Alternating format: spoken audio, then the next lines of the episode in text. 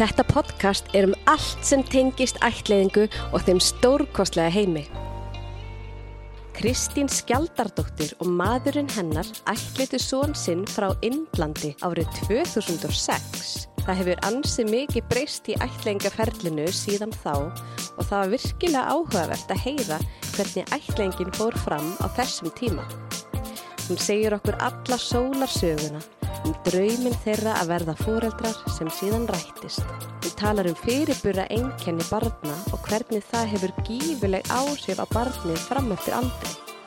Kristín er félagsrákjafi hjá Dómus Mettis Geðheilsustöð þar sem hún býður upp á ráðgjöf fyrir fóreldra barna sem hafa orðið fyrir kynferðisbrotum. Hún er einnig samskiptaráðgjafi, íþrótta og æskulístars.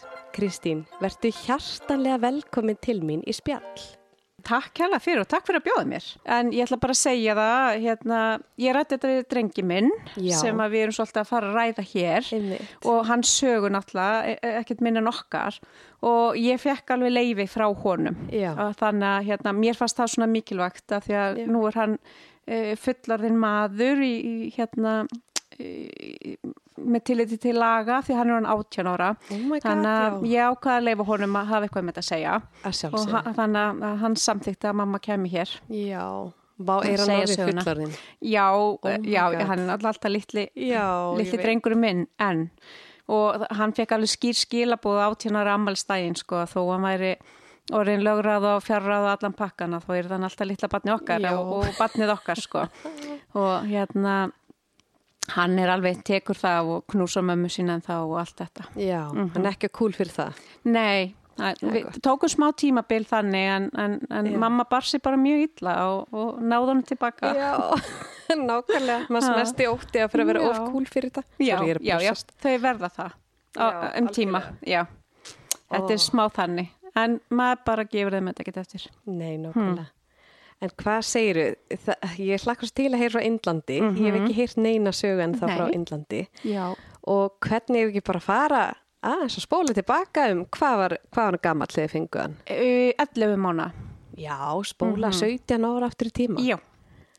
Og er hvernig byrjaði öll þessi þannig. saga hjá ykkur? Já, það er sko ennþá lengra.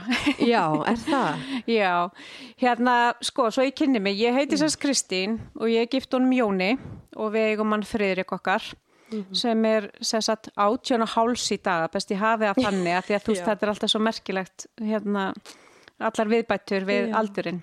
Einmitt. Og ég sérst er félagsráðgjafi og, og í dag er ég að vinna sem samskiptaráðgjafi íþrótta og æskulístarfs á Íslandi og svo er ég með ráðgjöf fyrir fóreldra og börn líka og áður en ég fór í þetta starf síðasta haust að þá starfaði ég barnavend í sex ár. Já, ok. Þannig að ég hef komið og, og, vitt og breytt við og, og prófaði ímislegt. Mikla reynslu á þessum bransa. Já, alveg þannig sko. Já.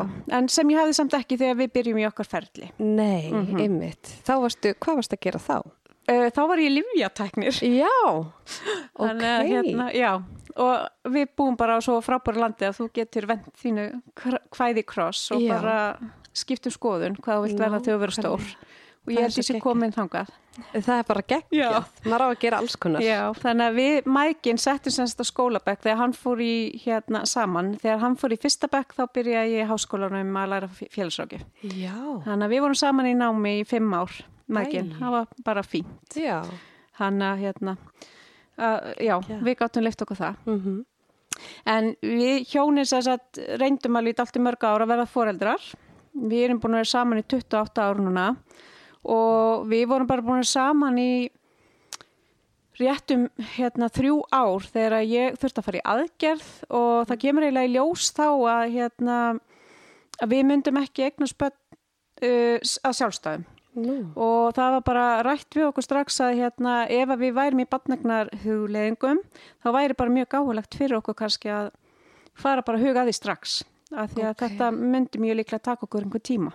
Hvað hva var fyrir Það- fyrirstöðu? Já, það eiginlega sko var ekki komið í ljós alveg þá en hefur komið síðan í ljós að ég var með bara svona æxli í leginu svona lítil Já.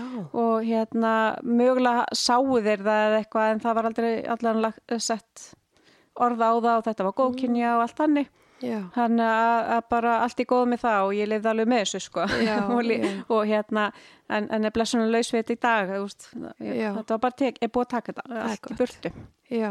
Hann að hérna en við sem sagt uh, förum fl uh, freka fljótt inn á glasafrjókuna til landsbytala við erum sagt svona gömul. Er það eitthvað sem var til? já, það var sagt til án Það var artmetika er til. Býtu, ok, er þetta eitthvað stöð sem hétt glasafrjókuna deilt, landsbytala Oh já, þetta var í kjallaranum hérna á landsbytalanum Ha? og hérna og já.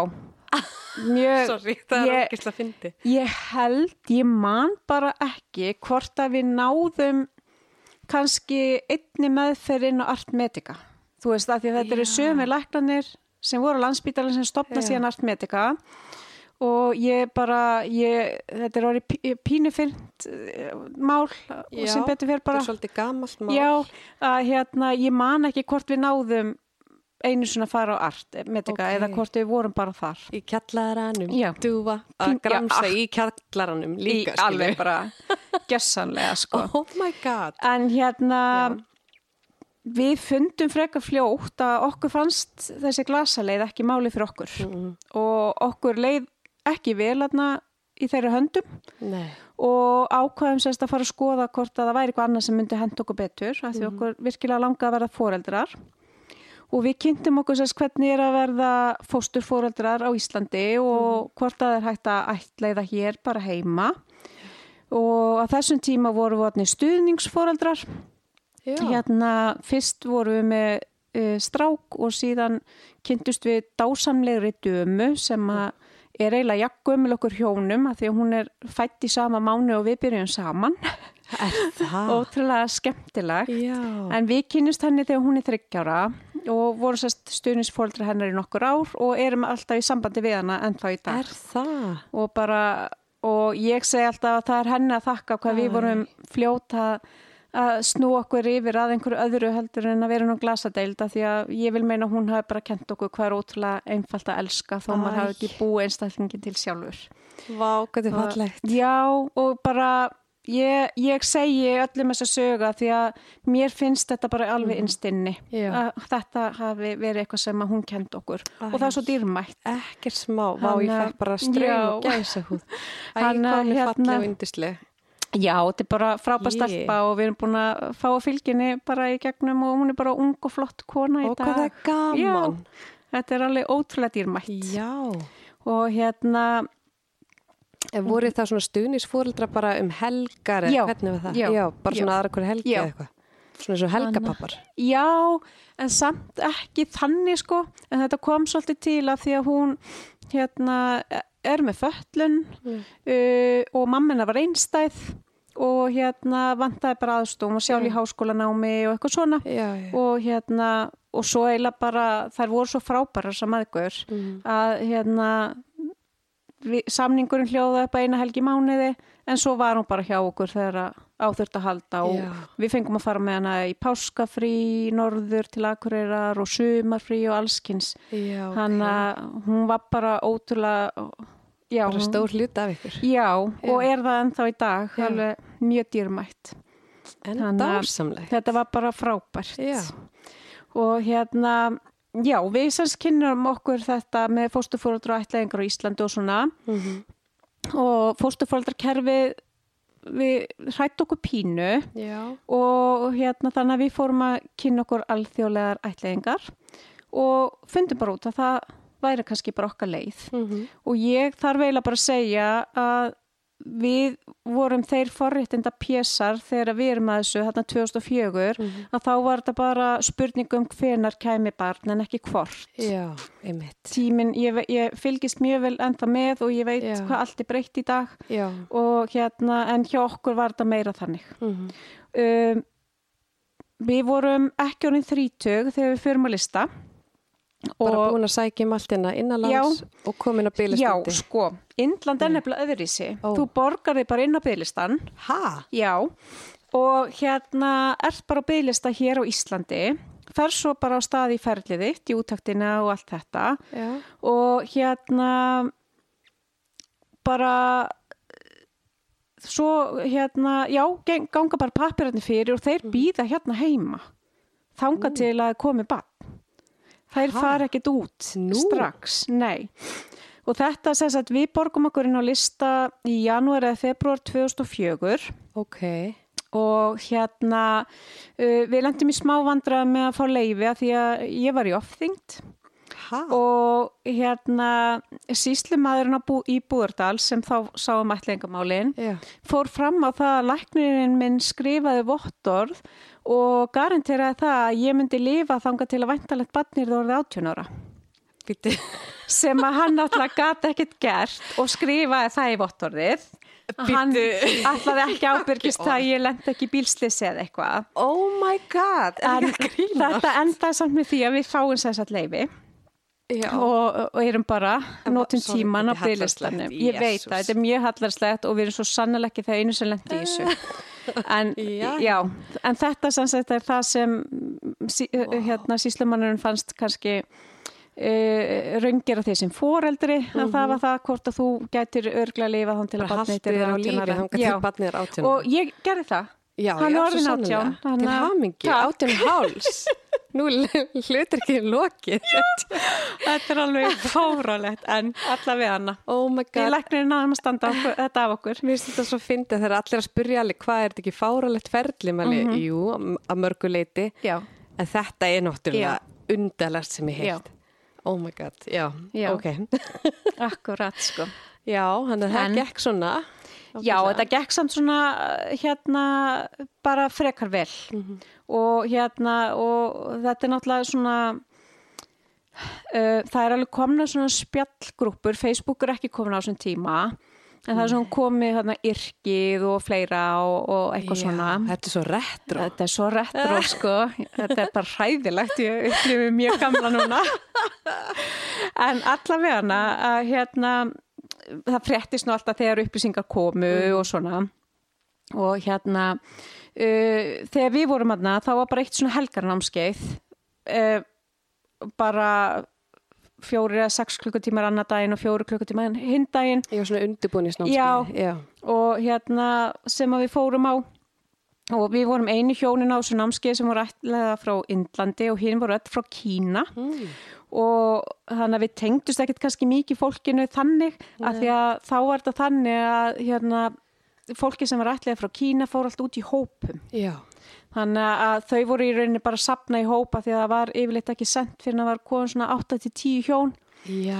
þannig að þau, þau voru alltaf að reyna að fá okkur til að skipta en við gátum það ekkert að því að við vorum ekki nóg gömul. Já, bytti nú við, já, það, það var þurfti að vera 30 meira. ára aldurstakmark á Kína en Já. þá var 25 á Indland Ok sem er breytt í dag Já, það er breytt í dag En Já. höfðu það margir ætlitt frá Indlandi Já, það Já. eru komin eitthvað um 170 hafa verið ætlit Já. eitthvað um 170 börn til Íslands Vá og ég held ég sé að fara rétt með að þau séu öll frá sama barnaheimilinu nema kannski eitt eða tvö börn Er það? Já, það var bara svona samningur þá við Já. eitt barnaheimili og þau ætletu börn til Íslands, Svíþjóðar og hérna Bandaríkjana.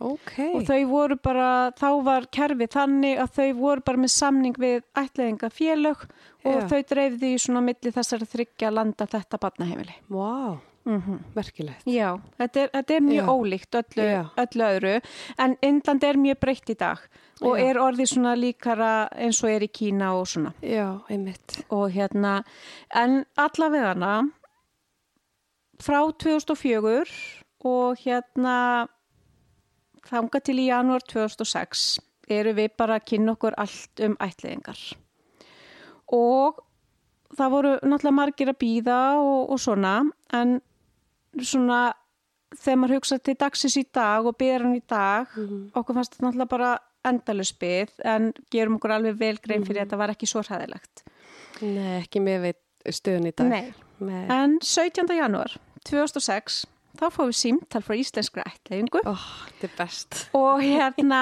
og það er svolítið líka skemmtilegt með Já. það að hérna uh, Guðrún og Fanney unnu á skrifstofuna þessum tíma Ok og Guðrún hafði alltaf síðan þessar hringingar hún var ekki á staðinum, hún var í frían og hvort mm. innanlands eða erlendis og þetta er fyrsta skipti sem Fanny fær að ringja og láta fóreldra vita þessi konar upplýsingar. Já. Þannig að Fanny hefur alltaf átt svolítið svona mikið Mm -hmm. í stráknum okkar og svo kom önnu stelpa heim, eða kom stelpa heim á sama tíma og hann. Já.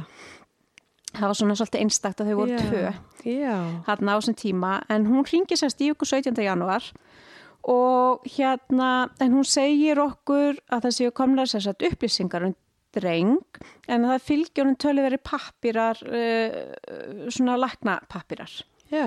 og vill bjóða okkur að fara og hitta gest Pálsson þá hitti Já. gestu Pálsson öll ætlit börn á Íslandi Já, læknirinn. læknir og hérna og ráðleggur okkur að þykja það hann sé tilbúin til þess og, og hún ráðleggur okkur að þykja það og við getum fengið tíma hjá hann næsta dag Þá áður en þið fáið áður en að við það. tökum ákvörðin já. Já, já, og hérna síðan fyrir við hittum gest og þá var kerfið þannig, ég veit svo sem ekki alveg hvernig það er núna en það var allan að þannig að þú fegst ekki að sjá mynd Nei. fyrir þú varst búin að skrifa bara undir Já. að þú ætlaðir að ætliða Ok. og þetta var bara sagt, þú, þú þarft að taka hérna uh, ákvörðuna með höfðin en ekki hjartanu Mm og ég, þú veist, þó þetta sé erfitt að þá finnst mér deila bara fín regla Já.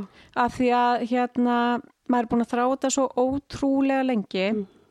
að bara þú þarft að vera bara skinsamur í þessu. Mm og, hérna, og þetta er ótrúlega kannski hallast þetta að segja þetta að vera skinsamur að ákvæða hvort þú vilt eiga batn eða ekki. Já. en það er samt þannig. Og við erum bara í annari stöðu en aðrir að þú veist maður getur sagt nei. Mm og hérna og mér finnst alltaf mikilvægast að maður sé bara trúr sjálfum sér og í hvað maður tristi sjálfum sér Algjörlega.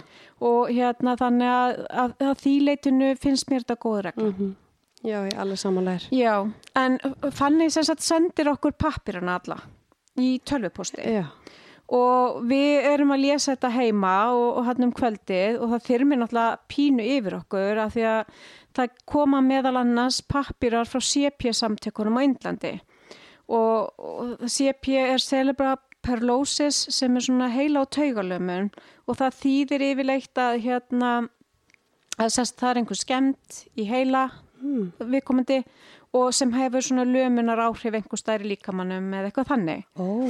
og hérna og það vill nú svona til að okkar stuðningsdama er CP-bann Er það? og við vorum eiginlega þannig bara að ok hún var bara okkar undibúningur Oh my god, þetta er svo meant to be. já og Vá. við alveg svona en við náttúrulega förum og hittum gest Já. og ekki spurning og hann fer yfir þetta allt með okkur og hann var með alla þessa pappir eins og við það kemur alveg fram að hann er fættur sex vikum fyrir tíman. Mhm. uh, hann fættist bara 1200 grömm og 41 cm þannig hann er mikill léttbur og fyrirburi. Já. og hérna og svo kemur sem sagt heil A4 síða frá CP samtökunum þar sem er búið að rannsaka hann. Mm og það komur svona ótrúleustu hluti fram á þessari síðu sem er ekki Google-vænir þannig að bara aftur Guðsilofa gestur bauð upp á þetta. Já. uh, þegar við tölum við gest og svona og förum yfir þetta og þá horfir hann á eina setningu á þessu blaði Stæðan fyrir allt blaðið. í staðin fyrir allt blaðið Ok. og hérna þessi setning hljóðar cirka svona uh, eftir þessa rannsóknir lítur út fyrir að þrátt fyrir allt sé allt innan marka Ok. og hann sagði bara þetta ég hangi á þessari setningu Mm og tristi þessu barni hinga heim. Já. og ég vil gefa grænt ljós á hann. Ok. og við bara ok. Og svo horfar hann á okkur og þeir sem hafa hitt gest þeir vita hvað hann getur þrjumað og hann segir hérna eru þið fólk á framabraut? Ok. og við bara "N- nei, við erum bara svona venjulegt fólk. Já, sko þetta er krakki sem þarf foreldra. Já. og við bara já, og urðum bara svona pínu lítil. Og, og bara já, það er það sem við viljum. Heyrðu, og ég held ég hafi bara ekki þóra eiginlega að segja neinum þetta. Hann tekur mynd og skellir fyrir fram að nefið á okkur og segir svo alltaf að segja nei við þessu? Oh my god. Og við bara nei. Oh. og þú veist, og við horfum bara á þessa mynd og svona svo ég reyna að lýsa henni að þá lítur hann svona út fyrir að vera lítill gamall kall og hann er í bleikum fötum. Og hann er eitthvað er eitthvað svo, eitthvað svo mikið sál í honum.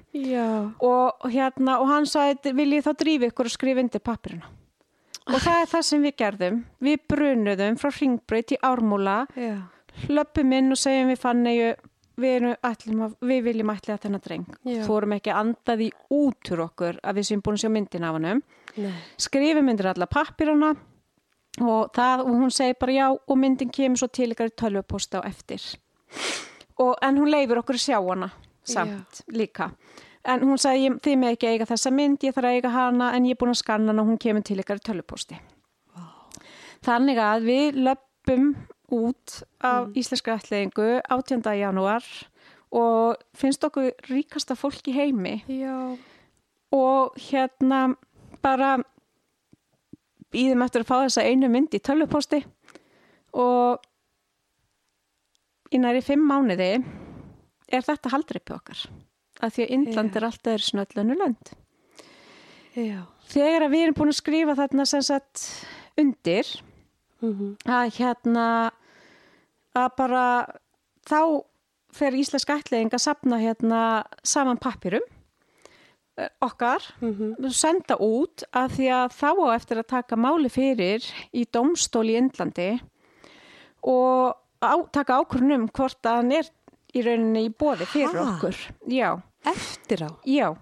Og þetta tekur sér satt yfirleitt svona 5 til 7, 8 mánuði Oh my god og hérna og málið er að við fáum í rauninni bara forsjá yfir honum úti Já og klárum ætliðinguna þegar við komum til, heim til Íslands aftur.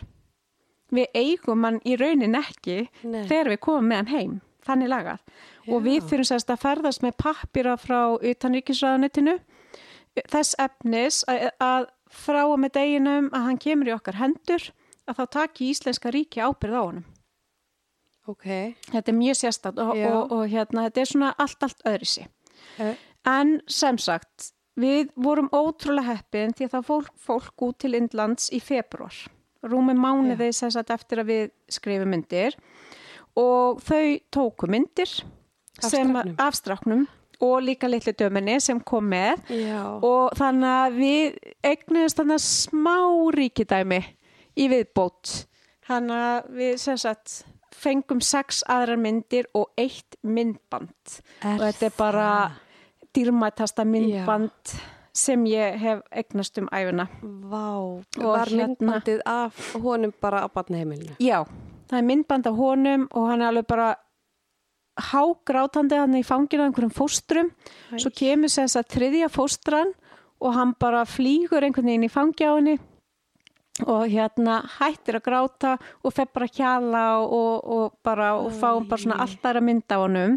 Og við áttum eftir að læra mjög margt um þessa konu og kannski höfum við tíma eitthvað til þess að ræða það algjörlega, algjörlega. En 28. mæ þá bara skelltum við okkur í flug frá Íslandi til Indlands, En þið ert að býða í fjórum mánu uh, eiginlega næri fimm, og það er út af þessu út af dómstólnum. En vissu þið að því að þið þurftu að býða svona lengi? þetta var alveg það svona er vita. ferli í Já, Indlandi. ok, ok.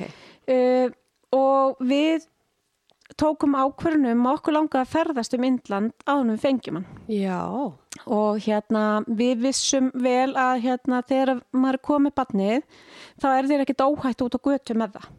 Nú, Það er ekkert allir hlindir ætliðingum í Indlandi, þú veist það er náttúrulega mismjöndi trúabröð og svona og þú ert svolítið fastur upp á hóteli bara Ó. eftir að barnið er komið. Þannig að við ákvaðum að okkur langaði hans að kynast landinu hans já, og í okkar huga er Indland náttúrulega bara ótrúlega frábært land af því að það gaf okkur stærstu gjöf sem við höfum bara fengið í lífinu. Já, og okkur aðeins að kynnast því til þess að geta sagt honum frá og sínt myndir og svona.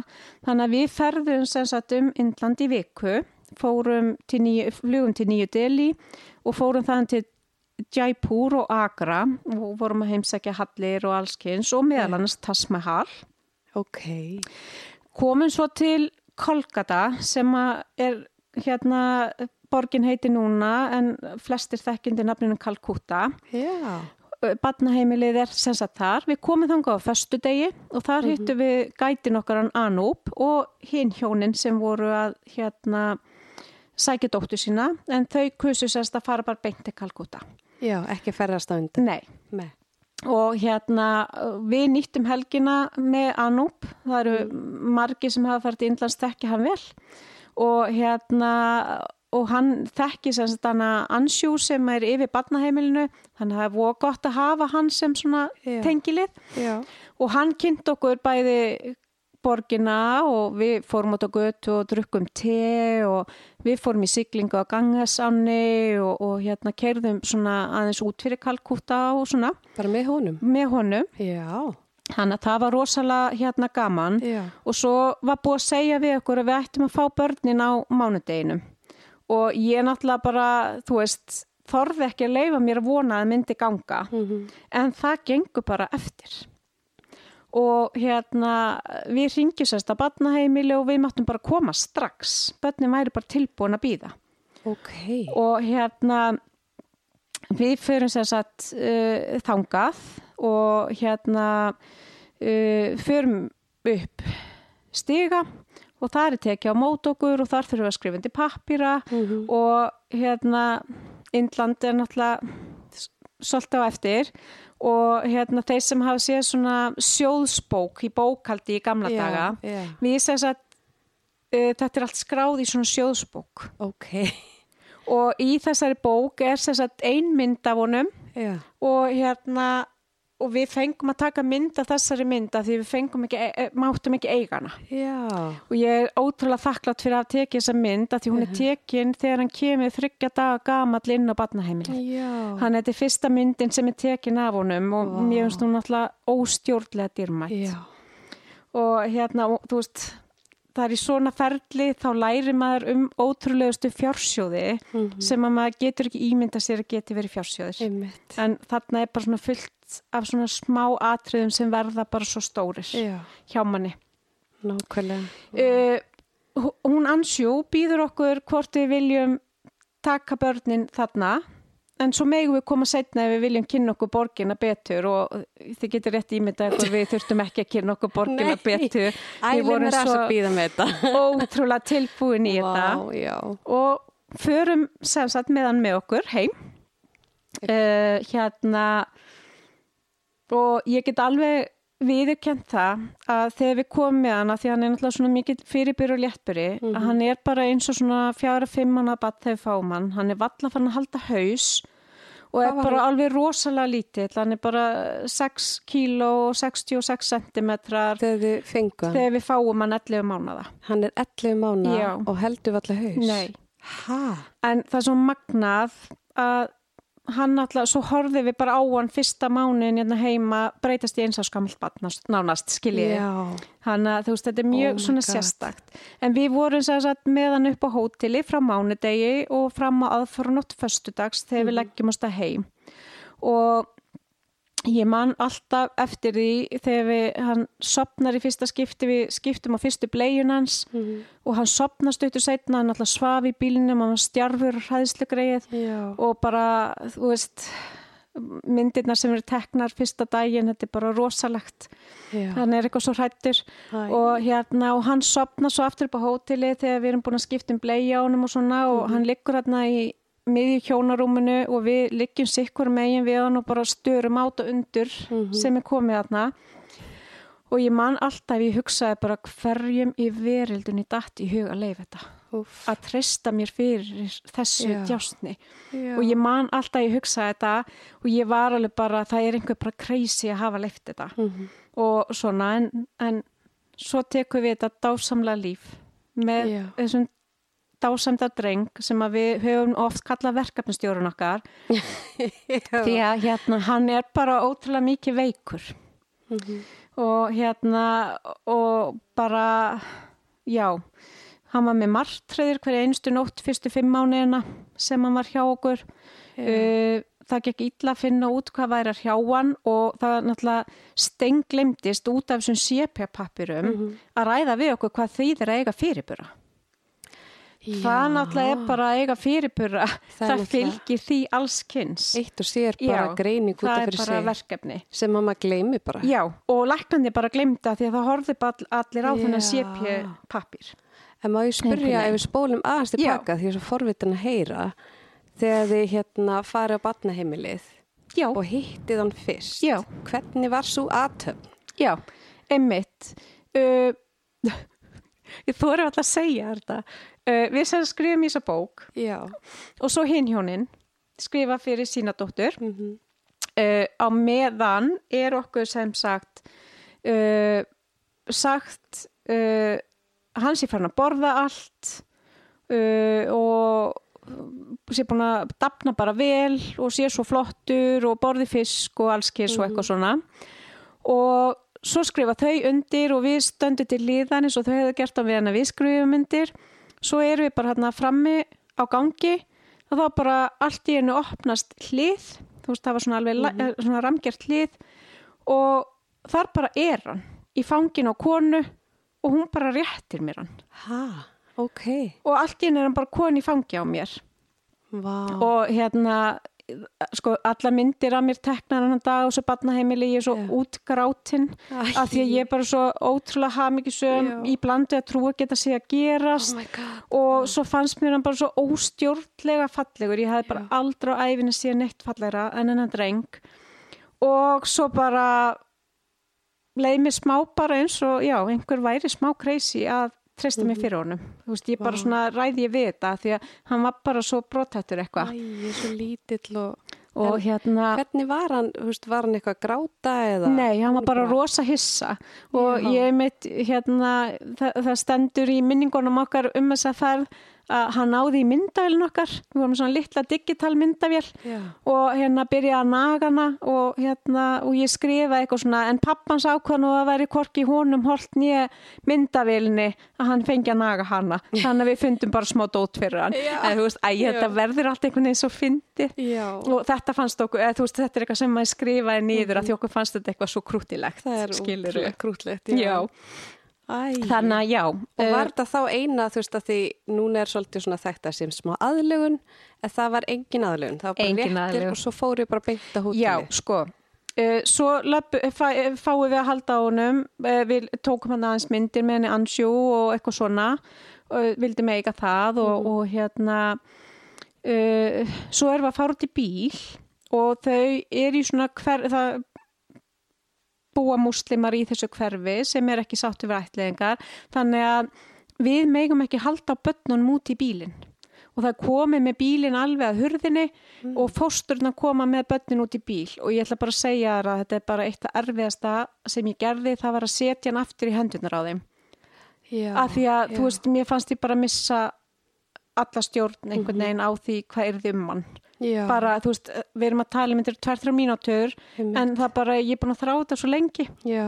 þetta Bara var bara um ótrú já, og, hérna, og því var sko ekki loki á þessum tímapunkti og hérna þannig að já uh, við vorum sérst meðan hérna heim á hótelherbyggi fljúum svo heim og erum einhverja 28 tíma leiðinni Mhm. og hérna millilendum í London og fljúum svo þaðan með Æslandir til Íslands og ég get sagt þér það að það var ekki fyrir en Æslandir vélinn var komin í loft að ég trúði því að það myndi enginn taka hann að mér. Já.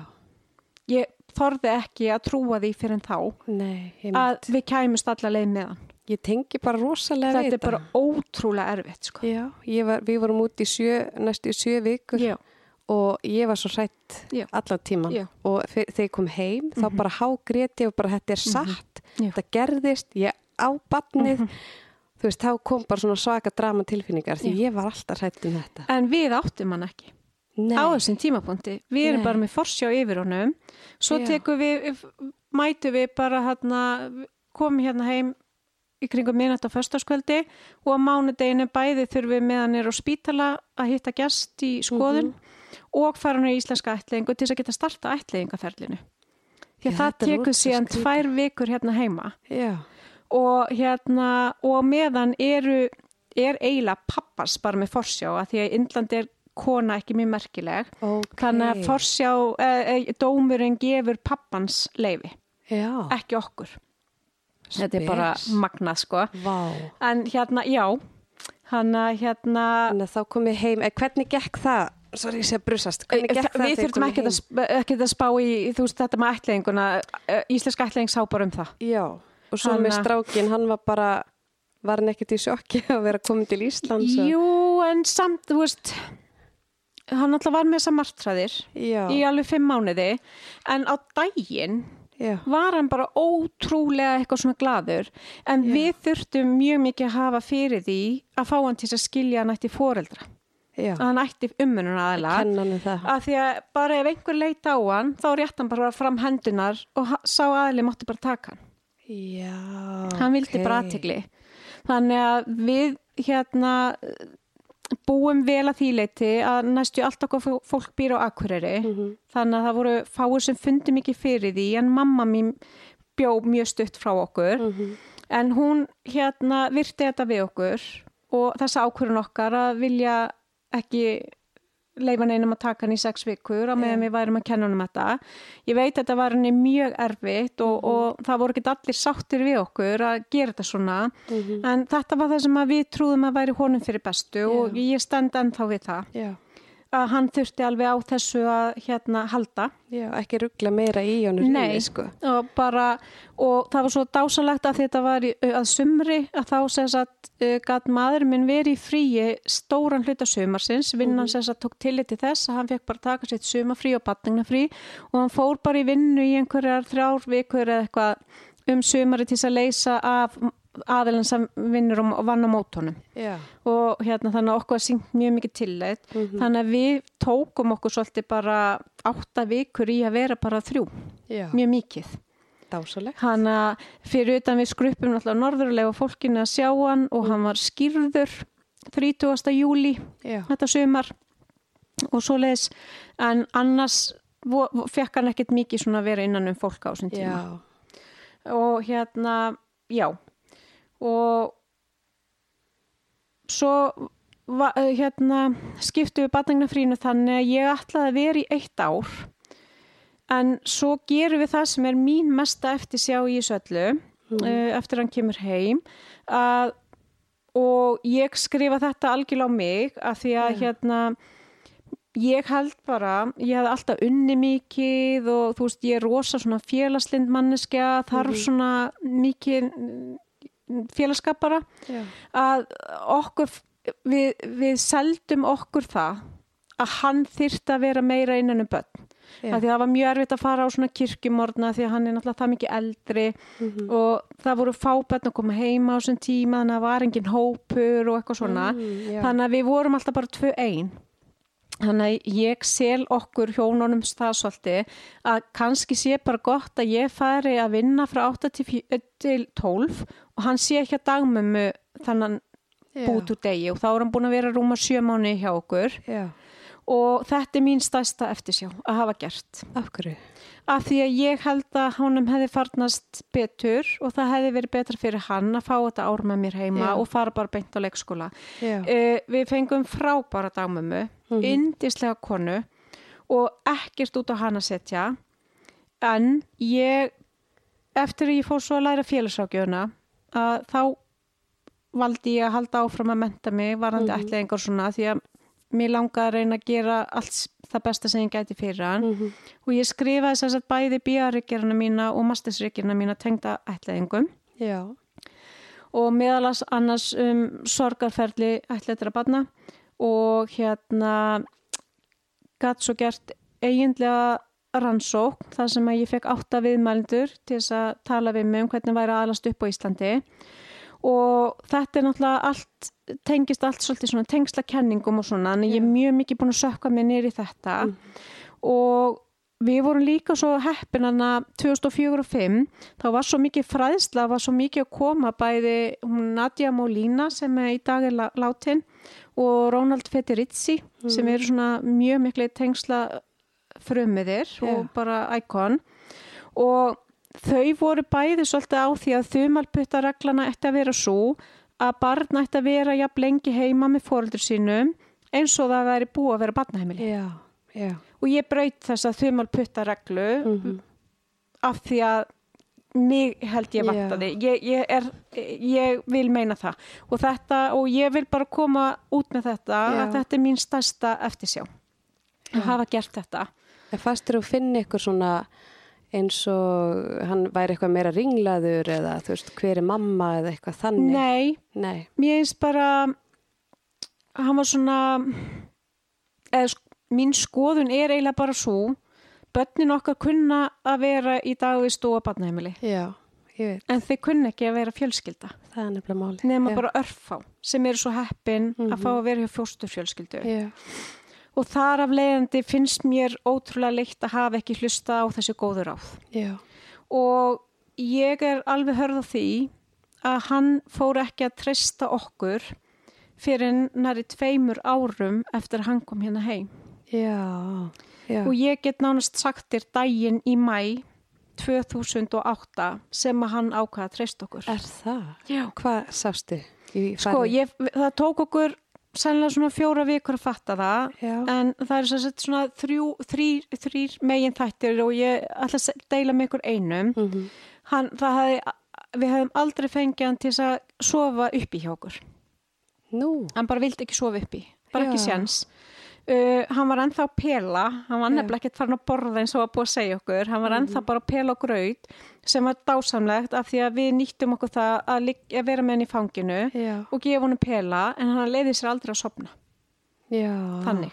Já. Slakaði aldrei alveg á Mhm. og það þýtti ekkert að að hafa hann á mill okkar af því að þá bara starfa hann bara upp í loftið. Er Þannig að hann svaf alltaf í batnarúmi við hliðina okkur Ok. og svo gerist það semst hann í mæ uh, 2008 að ég vakna nú bara við það að allt í einu dettur einhver á hausin á mér.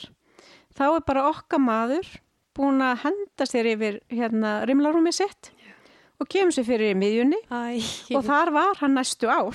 Ah, og er enn. Nei. Nei, ekki alveg, en, en hérna... Æ, hversu fallegt er Þetta er nefnilega ótrúlega fallegt og svo gerast sem sagt, uh, það er svona tvent annað sem gerist sem að líka Já. og, og sem sagt við kveikjum á perun eftir smá tíma bara þetta er svo svakaleg breyting Já.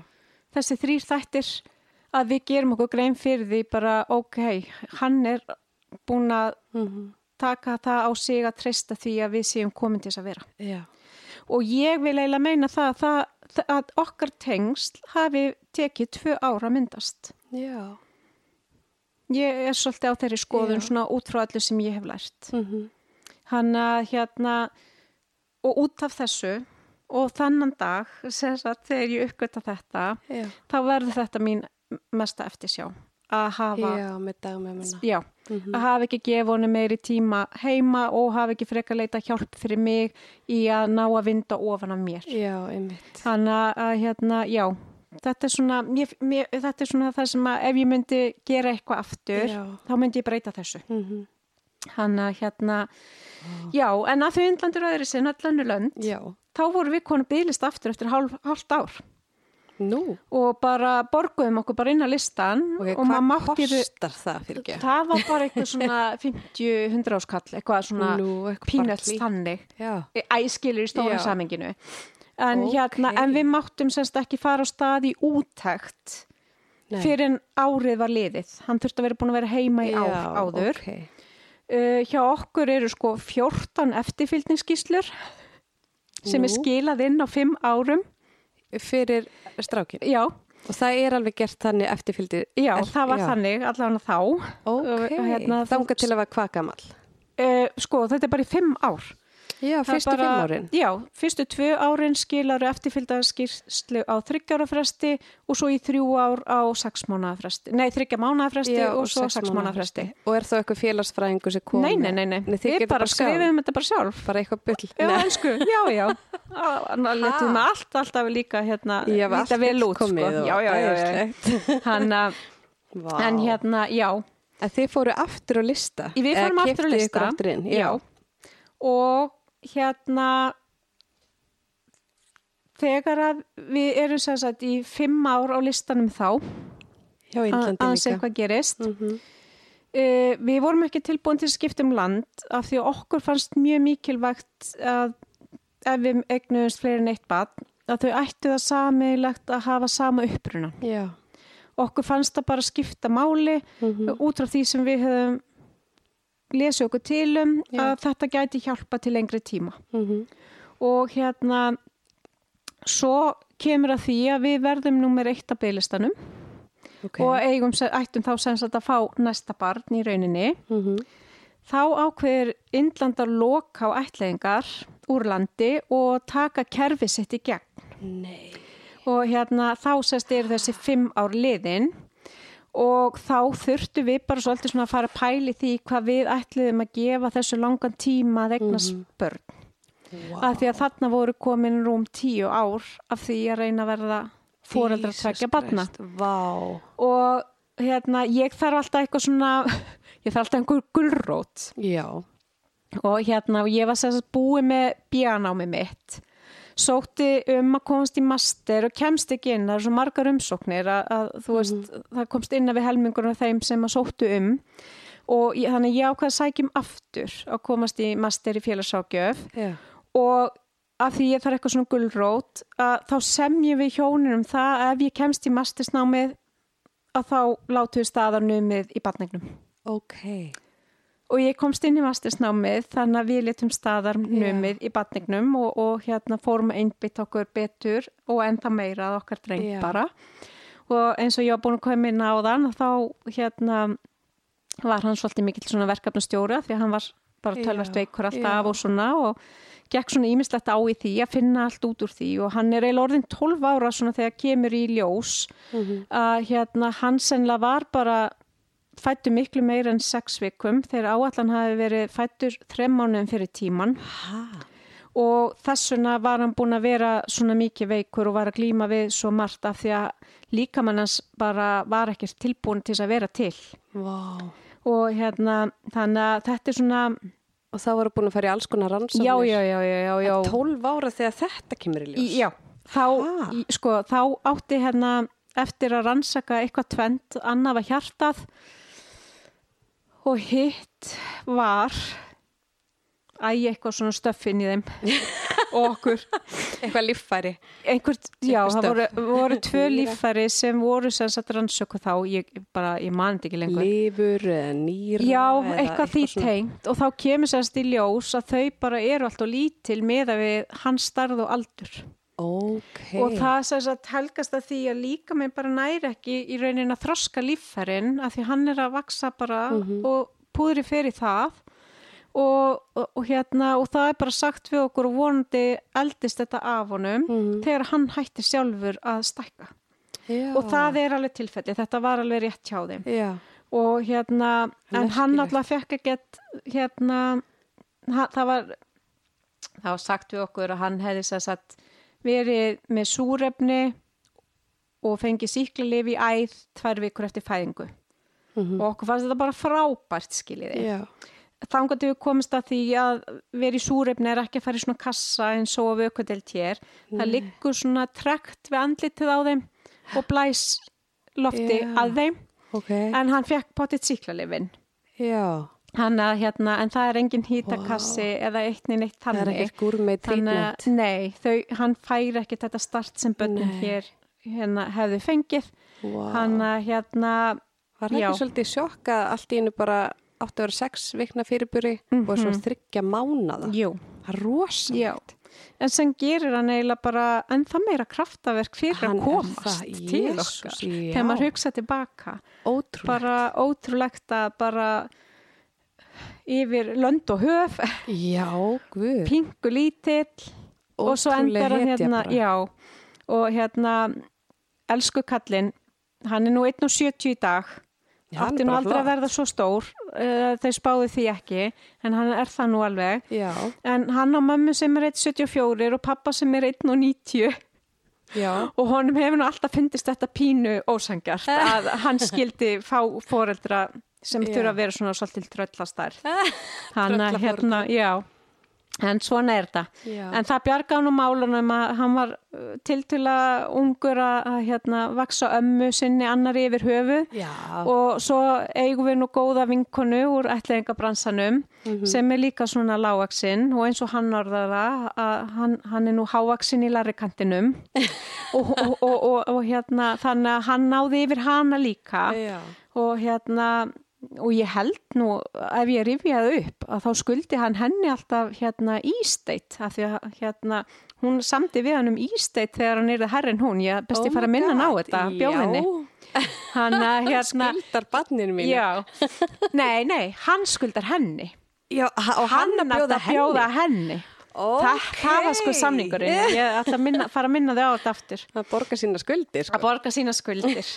Hann að hérna, já en Já. þetta er svona svolítið sagan okkar Þetta og er hérna- mjög merkileg saga. eigum finnst mér í dag alveg ótrúlega flottan ungan mann Já. og sem er bara ógeðsla duglegur, má ég segja svona í podcasti Já, er í hérna framhalskóla vinnur og er bara mömmu sinnar mati ótrúlega skinsamur Já. gefur ennþá knús uh, ég get ennþá fengið að skrýða upp í hjá honum og ræða við að málin Já. og hérna hann er með svona samning hérna við okkur að hérna láta vita þegar hann kemur heim Mhm. og ef hann ætlar ekki að koma heim þá sendir hann okkur og mér finnst þetta eitthvað svo frábært og merkjum að ég hef gert eitthvað rétt eða Já. við í lífinu með hann ég er alltaf að tala eins og ég er einn en það er pappa sanna líka Já, já, nákvæmlega. en hérna Þeir eru með gott samband. Já, hann er hérna búin að eiga kærust í tvö og hálft ár og svona og Já. bara eins og ég segi, mér finnst þetta bara virkilega flottur ungum maður. Æ, hann er að Sem að- blómstra. Já, mér finnst það. það. er geggjað og, hún er meðlust líka.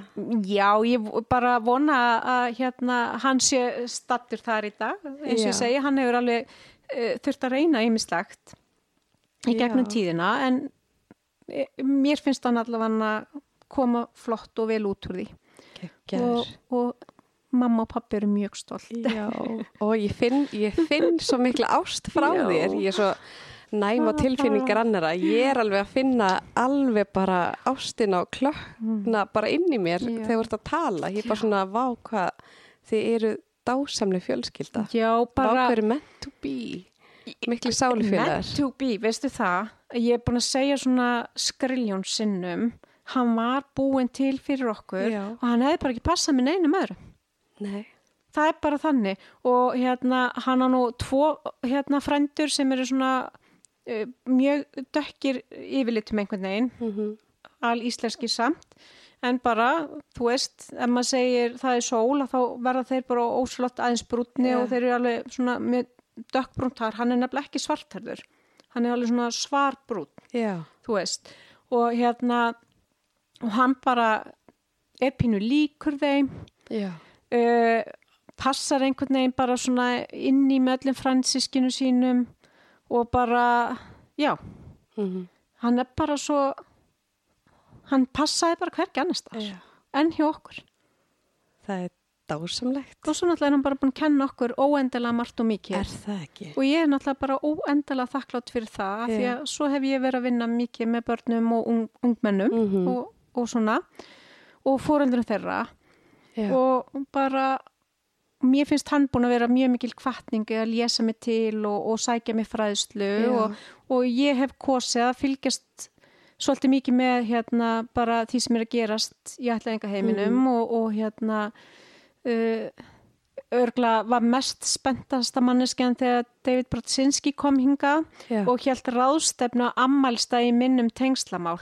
er það hérna maður sem ger bókina Já, hérna líka með sem hann allt nei, það er hérna ég man ekki nöfn sko. Kolk. en hver er þessi Já, hann er mikill svona tengslakenningamaður. Já. Vander Kolk er meira í áföllum, já, já, já, en ég er einmitt með bókina hans og nokkurinu, Ég líka. Vander Kolk. ég er nefnilega að lesa hérna- hana núna En hérna, já, og bara, ég, þetta bara með mínum starra ammælstögum að hlusta á David því. Brotsinski. Þetta var bara, svo, en ég, þú veist, ég, sé svo eftir, ég kunni ekki við að beða um selfie með mér að því að ég var eiginlega of starströkk Oh my god, þú er svo átt að gera það. Ég veit að ég sé mér eftir því. Maður er eitthvað sem er aldrei cool. Svona, svona, nei, ég segi það, veist, ég ætlaði mér að segja, svona er ég bara mikill nörd. Já, veistu, ég bara skil það ógislega vel.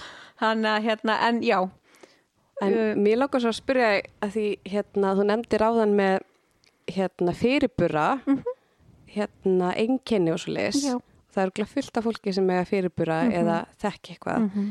Hvað er svona, hvað maður að segja, svona einkenni sem er kannski ekki sagt manni frá, sem að svona fylgja manni eftir já, æfina? já, sko, um, ég held reyndar að þau ná að, að vaksa upp úr þessu svona uh, uh, um og upp úr kynþróska. Uh, en hérna, þau eru bara miklu viðkvæmari fyrir.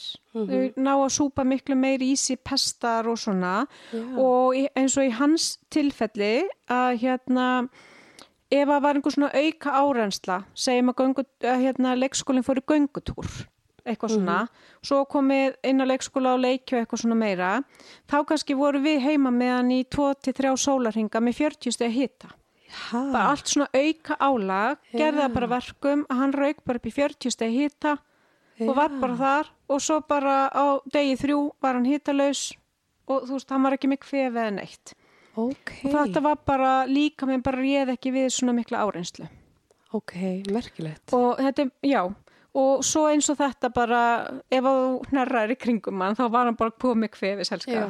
Og hérna og hann var lengi á magalifjum af því að bara Mhm. mægin réð ítla við Bara að melta, til bara að melta. og koma frá og hann Já. byrjar mjög seint að borða hann byrjar ekki að borða fyrir en eftir hann er komin inn að heim Og þá er norðin að vera þá, einsás. þá er hann einsás og hérna, þá er hann í rauninni ennþá bara á graut og svona og að því hann var svona léttur til dæmis Mhm. að þá létt gestur hann á þörmjólk en ekki mjólk áfram, Já. hann saði bara hann verður í minnstakosti tvo mánuði að fá bara áfram þörmjólk af því að hérna hann fær ekki næg vítamin úr mjólkinni, hann Já. þarf bara miklu meira. Þannig að hann fekk þurrmjólk og svo eitthvað og svo náttúrulega voru við byrjuð að gefa honum að borða og svona, Já. en við þurftum að stappa matinn hans ótrúlega lengi að því að hann bara stakk öllu upp í sig og kynnti Já. og ef maður, þú veist, var ekki með pingulilla bita eða stappaði Mhm. eitthvað þá bara stóð allt í honum, sko Vá. hann bara, að því hann kunni þetta ekki já, hann var bara alveg þar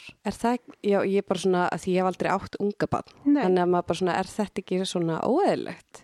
Þú ert eins, þetta er svolítið... Jú, jú, Ef þetta væri með ef heilbreykt... hann væri búin að vera einna heima og hefði byrjað að borða sex mánada eitthvað meira, þú veist að því að maður, þó þið séu mest að borða graut eftir að hætt, var að fá eitthvað en þá er, er alltaf verið að bæta við smá ávöxtum og Mhm. Já. einhverju og það er ekki verið að mauka allt heldur er þau, fá þau svona litla bita Já, og læra læra svona að sjúa og svona en hann Vá. bara fattaði þetta ekki neitt Oh my god. Já, En hérna, marstræðnar sem þú ert að nefna, Já. er það svona eins og night terrors? nei Það það var, það. var nefnilega ekki night terrors. Það voru bara pjúra martræðir þannig að öll svona vanlíðanin hans eins og ég sagði, hann var alltaf gladur á daginn og svona ég var náttúrulega kom fyrir hann grétskilur en það við eigum alltaf mynda á hann með öðru sem brosandi. Einmitt. en hann tók alla sína vanlíðan út á nætunar Og hvernig byrtist það? það er bara, hann bara grét og grét og grét og Já. bara svona öskur grét alveg og við þurftum bara að taka hann upp og reyna að vekja hann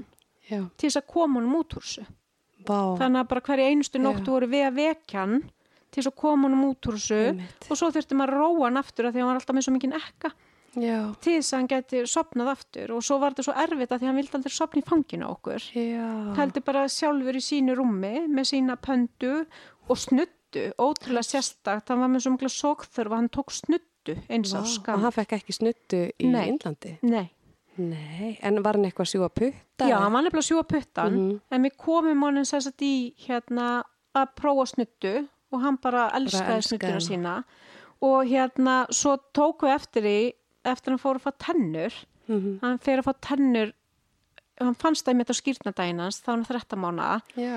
að hérna fannst fyrsta tönnin þá ætlaði hann eitthvað að, byrja, að hætta með snuttuna og fara að sjúga aftur en þá gata það ekki fyrir tönnunum. Þannig að við vorum í heppina því að það er miklu erfið að venja putta heldur en snuttu sko. Það er ekki að klippa þá af, eða þú veist, það er illa séð. já, já, væri mögulega tilkynnt eitthvað Oh my god, merkilegt. Elsku þetta er bara kútur. allskins svona Já. en samt skemmtilegt og eins og þú Já. segir ég hef aldrei átt unga barn, við áttum ekki vona að ég eignast unga barn Nei, þannig að hérna nákvæmlega. já, Mér finnst svo merkilegt. Já. Ég er bara svona, en hvernig eins og hérna fengu að skoða barnaheimilið? uh, eiginlega ekkert bara þarna sem skrifstofan var og þetta litla herbeggi Ok. en hann hafði verið í öðru húsi og það er þess að þessi fóstrans sem Já. að við kynntum svo núna árið 2018 þegar við fórum aftur út Nú, og fórum við bara út í heimsók til Indlands með strafnum. með honum, Er það? hann þráði þetta og, og bara við tókum það ákvörðin að býða semst hann til að nýrði 13 ára og væri hann svolítið góður í ennsku Já, að því að við vildum hann gæti bara spurt sjálfur en væri ekki háður okkur já. að spurja Þannig að hann var 13 þegar hann er þið fóruð saman Já. en við Vá. gerðum honum alveg ljóst að við værim ekki að fara að leita með maður pappa en eitt þannig það er Mhm. því bara ákvörðin sem hann tæki þegar hann þannig fullorðin Já, og en uh, hann er alveg með skýr skilaboð frá okkur að ef það er eitthvað sem hann vill að þá förum við á stað með honum. Já. og hérna við vorum sem sagt búin að óska eftir því. Hún Guðrún sem var hjá Íslenska ætlingu fór út einhverju ekkert lengur síðar. Já nú þarf ég að segja aðra sögur sko. Já, hérna við byggum til myndalbum já. hérna úr þessu myndbandi náðum að gera svona stillmyndir og af fóstrunum. Já, og hérna og það er að meðal þessari fóstru sem að við sem sagt fengum tveim árum setna að vita heiti eh, hétt Matu mhm, og hérna uh, við gefum honum þetta albúm bara strax þegar við erum að koma upp á hótel af því að þú veist við vildum hann hefði eitthvað kunnulegt já. af því eina sem að var kunnulegt og við vitum ekki eins og hvort það var kunnulegt var að hann kom í stuppbuxum og, og svona ermalausu blússu Mhm. og við vitum ekkert hvort hann var búin að fara í það áður hann, það fylgir hann ekkert ekki neitt Já, þegar þið fengu hann. Þegar við fáum hann. Já. og þannig að við, og við vissum þetta alveg bara frá þeim sem hefði farið áður þannig að við vildum hann hefði eitthvað og látum hann hafa þetta mi- albúm Já, þegar bara komið út. þegar við komum já. út og svoleiðis og hann er sérst alltaf með þetta albúm og hérna og, og það var, hann, var, hann þurfti alltaf svolítið svona að hafa í grendvissi eftir að við komum heim fyrst Mhm. svo er hann búin að vera kannski svona tvo mánuði heima eða eitthvað og var farin að fatta að ef hann sagði mamma að þá Já. svaraði ég og ef hann sagði pappi að þá svaraði pappans Mhm. og svo kemur hann lappandi fram og þá er hann búin að taka myndina af henni Matu út úr albúminu Mhm.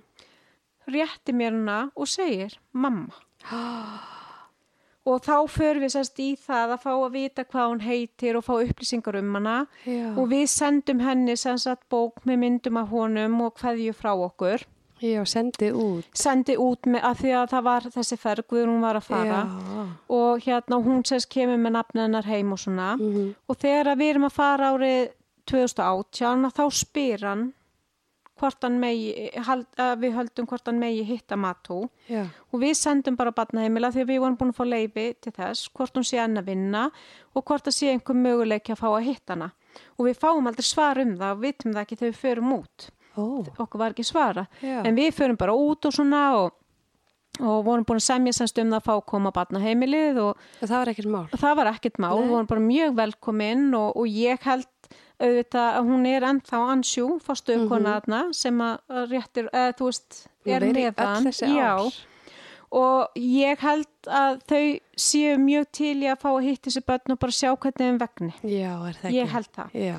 og við sem sagt förum hann og, og komum hann inn, löpum upp sama stiga og við hefðum gert hann Vá. öllum þessum árum Var ekki áður sem að flashback. það var rosalega skrítið Vá. einhvern veginn og þú veist og ég svona ég fekk svona næstu í svima Já. og hérna og við okkur bara búið beint inn á skrifstofu til hennar ansjú og við erum að ræða við hana og, og þú veist og hún er að fá að snerta hann og spurja hann fullt af spurninga og eitthvað svona. Og við vorum með gjafi til barnaheimilsins og eitthvað svona og hérna og svo hérna segi við hana hérna hvernig er það, er hún matu að vinna hérna ennþá? Og hún segi nei hún er það ekki en ég hafði samband við hana og hún er hérna og, og við fórum í smá svona panik að því að Já. við hefðum, hann hafði valið gjafir hendinni Ok. og við hefum skilið það eftir út í bíl og ég sný mér svona eitthvað að manninu mínum og eitthvað og segi eitthvað svona, heyrðu við verðum að fá að fara út í bíl og rætta gjöfinni og eitthvað svona og þá pikkar ansjú svona í mig og þá bara er minn drengur bara farin að gráta Nei. Og hérna og þetta var bara eitt af því sem hann þráði mest af öllu það var að fá að hitta hana matúsina Vá. og það er bara opnu hurðin og hún stendur bara fyrir utan og við höfðum lappa fram hjá hann Nei. en máli var að við þekktum hann ekki því að hún var orðin veik af krabba minni Æ. og var mjög breytt í útliti Já.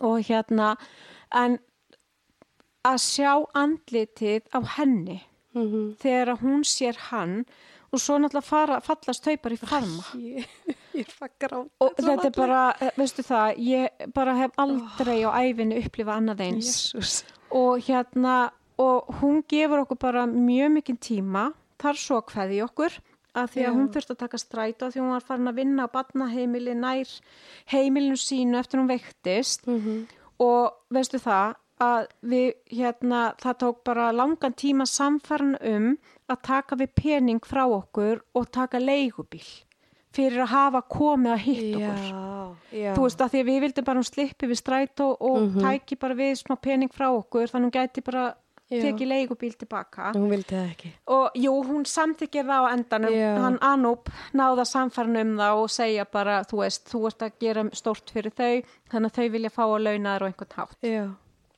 Og hún hérna spyr hvað við ætlum að vera lengi og annað og við ætlum að koma aftur á barnaheimilið semst og fara í húsi sem hann hafi verið í Mm og hún að vinna líka og hún kemur semst að þangað held tveimdöfum setn og hittir okkur aftur Er það? og þar fáum við að hitta all börnin sem eru Oh á barnaheimilinu og Ú. fengum bara að leika við þau og svona og Vá. hérna vera með þeim hann að Vá. hérna Hvernig var þetta? þetta er bara þetta er svo dýrmætt fyrir okkur öll Úf, og hvernig fannst stráknum, stráknum ykkar? Ég bara, já, við komum næstu með tíu börn heim er það ekki? jú, það voru cirka tíu börnana Ó, og hérna, það er bara tíu börn, þetta er bara Ég- lítið og krúllegt. bara minnsta vandamál að koma með þessi tíu börn heim Já, fast okkur já.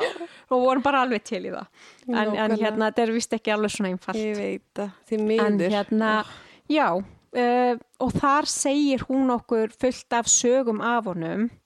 Og þar er önnur fóstra sem hafi verið sagt næturfóstra. Já, og við komum semst að því að við eigum prins því að hann var bara ekkert að láta bjóða sér upp á það að liggja einhverju rúmi. Nei. Þe- þe- þú veist, hérna þær sagði okkur sko, þær taka alltaf börnin leggja þær á magan Mhm. klappa svona þrísvar á baki og bossan og þá bara vita börnin nú eða þau að fara að sofa. Þetta Ok. er þeim bara kent Já, tíu börn, þú veist, það er ekki þetta að svæfa tíu börn. Nei, og hérna okkar maður, hann tekur ekki við svona. Nei. og þær töl voru einmitt að segja okkur frá því að hérna hann bara grenjaði. Já, þanga til að hann tekin upp og hann sopnaði í fangi er það? Já, sem hann vildi ekki gera fyrir okkur en hann náði sér bara í hlýju og tengsl Vá, og það er tókan upp að því Já, það er bara annars ekki algengt. vakt hann bara all liðið en Oh það lærði God. það fljótt að ef hann var tekin upp að þá hérna Hann var klár. fyrir heimbönnin hann er Já. svo klár Vá, ok, Hann- geggja, já. þannig að hann fekk alveg góð tengst Já, í rauninni. hann já. virðist það að fengi það Og þessi kona, mm þegar þau hittust hann og hann bara fór að gráta, hann hann bara mana hans eftir henni. ég held Ætli það það, ég held það Já. að því að svo greinilega þótt svaf svo hann alltaf um með hana. myndina Já. í rúminu Já, þegar hann var lítill. já, Æ, hún var bara svona eins og mamma. já og, og, þú veist, og þetta var svo sérstakt að því hann rétti mér myndin og segir mamma Æ, að því þá er hann að leggja mig og hana finnst mér bara í jöfnu Já, mm -hmm. vá, hvað hann er dýrmættis Mhm. kona. algjörlega Og hún er ennþá lífi. nei, hún er því miður látin Æ, og hérna uh, úr þessu krabba meini já. en, Hvað en hérna hva voru gömul, veistu það? sko hún átti dóttir sem er jaggöðul mér Mhm. þannig að hún hefur nú verið farin að nál, uh, nálgast eða verið komin rétti við 60 þegar við Já. hittum hann í setnaskiptið Það er nú ekki gamalt. nei, alls ekki og hérna en aðstæður í Indlandi eru bara þannig Já. að ég held að það sé ekkit í bóði eins mikið að lækningu og, og Nei. annað sko Það er allt öðru sér. og og ekki mikið um peninga og þannig Nei, mm vá. En sáu, þú veist, eins og batnaheimilið, þú veist, Mhm. voru börnin bara kátt og res og, Já, og þau stemning. voru það. Já, ég menn þau voru alveg til í að leika við okkur og Já. allt þannig. Sko, ég veit ekki hvað maður á að segja með góð aðstaða. Þú veist, það var eitt herbyggi sko þetta, er, þetta er, hafa verið tvö herbyggi á starfið rými sem við sitjum hér í inni. Þannig að hvað, 20-30 fermetrar? Já, já. Uh, annað þeirra var nýtt notað til þess að hérna leika og borða í mm hitt var fyrir rúmin þeirra og þau voru bara öll stöflu saman rúmin, Já. bara hlið við hlið. Uh, svo voru, sem sagt, var eldhús og svo voru tvö minni herbyggjaðna þar sem byggu fjölfatlaðir drengir já, sem voru sagt, búin að vera á batnaheimilinu alla sína æfi, er á þessum tíma komni rétti við tvítugt nú. en eru ok. bara mjög fatlaðir Já, og þeir liggja bara á svona þau kalla það waterbed en þetta er eiginlega bara svona vindsæng með vatni þú veist við gáum, Já. það vantaði svo fyrir annan hans var sprungin og, það, og bara þetta var þvílík himna sending og voru tilbúin til að kaupa nýja Já. þú veist og maður skammaði sín fyrir ég hefði viljað fara að kaupa rúmskiliru já. en þú veist en þetta var bara eitthvað sem þurfti og vantaði Mhm. og, og þannig að hérna þannig að og þau lærðu alveg að fara á klósett já. þú veist, þau voru ekki með blegjur fram eftir öllu eða þannig, þú veist Mhm. að þau voru svona alveg upp í 5-6 ára já, og frá bara pingu litlu já, ok. þannig að hérna og, og þú veist, þau löppuðu öll og þegar við vorum hann við sátum bara mikið á gólfinu, þá voru þau skrýðandi og eitthvað og maðurinn minn er hérna ha, eiginlega hárlaus, þú veist, og var Mhm. svona alveg rakaður og rak, rakaði bara allt af sér og svona og okkur er mjög minnist að það var hérna ein dásemdar dama Mhm. sem að hérna elskaði að strjúka Já, yfir höfuð á honum. Svo kúrðum sér svona uppa og svo Æ. strauk hún alltaf aftur og aftur. Henni fannst þetta eitthvað svona Það mjög er líka gott. svona já, það var smá svona næs. brottara þegar öllum svona tekja þryggja dag Æ, hann að hérna það, og, og hún og sem sagt Friðrik okkar voru alveg eins og klassur er það? já, það var rosalega fallegt Vá. og við hefum rosalega fallega myndir þar sem hún Já. bara kúrir í fangin á honum og, og hérna hún var svona, það þurfti næstu að slíta hana Mhm. af honum þegar við vorum svo að fara því hún vildi bara hafa hann já. og við vorum svo heppin að við fórum sérst aftur þarna og hérna og fengum að vera með börnunum Það er þetta ótrúlegt. er bara ótrúlega bara Þvílíkt ferðalag. Já, já og líka bara þetta er svo ótrúlega dýrmætt eitthvað Mhm. að fá þetta og, og þú veist að að hérna bara fá að gefa þeim snertingu og þessa hluti Nákvæmlega, Þannig að- en eins og strákurinn ykkar, þú veist, hefur þetta verið eitthvað svona, þú veist, það er alltaf þessi bakgrunnur og upprunni sem að þau hugsa um, Mhm. en hvernig fannst honum þetta? Var þetta svona klósjur eða, Nei, í Svona- raunin ekki nei, Nei, opnaði bara fyrir meira? já. Eða, Já og þú veist, hann var alveg ótrúlega lítill eða sko, hann var eiginlega hann var valla hann var aðeins byrjar að tala já, en þá lagði hann svona hendina sína á hendina mína og sagði af hverju erum við ekki eins?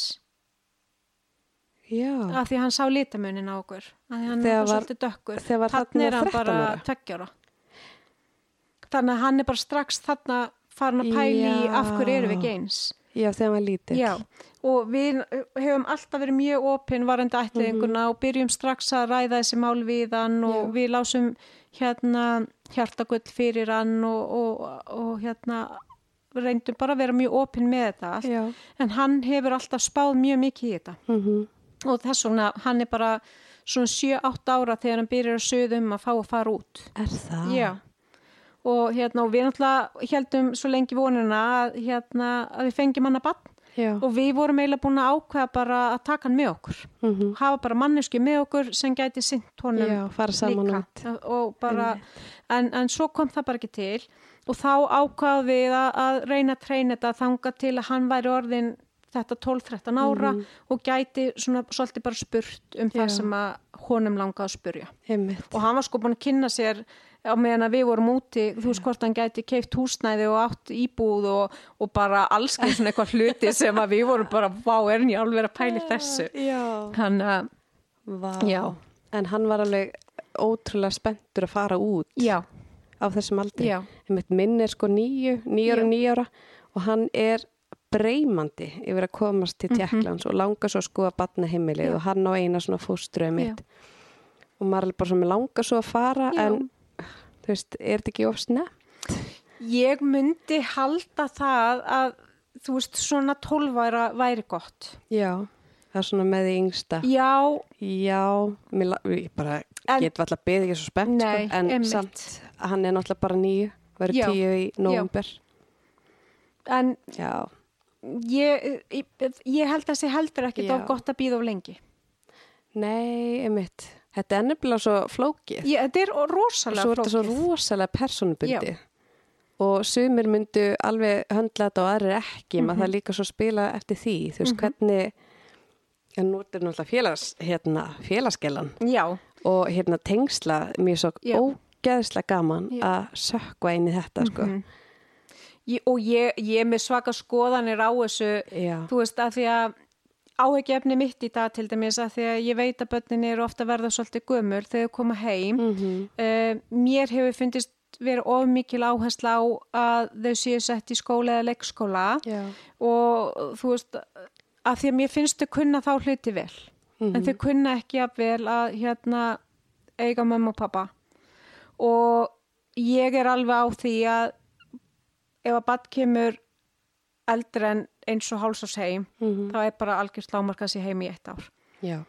og hérna uh, ég, þetta er eitthvað mjög ríkt í mér og ef að börnin eru ennþá eldri segjum fjagra ára eða fimm ára þá vil ég bara sleppa þessu leikskólastíði Já. og þau séu bara heima þá til þau eru grunnskóla Mhm. og en á móti þá þarf bara og ég skrifa þetta hérna niður sko, kerfi þarf að sína þessu skilning Mhm. og gefa, gera foreldri kleift að vera heima með batni kannski í tvö ár í Já. fæðingarólafi eða, eða batnegnar fríi Mhm.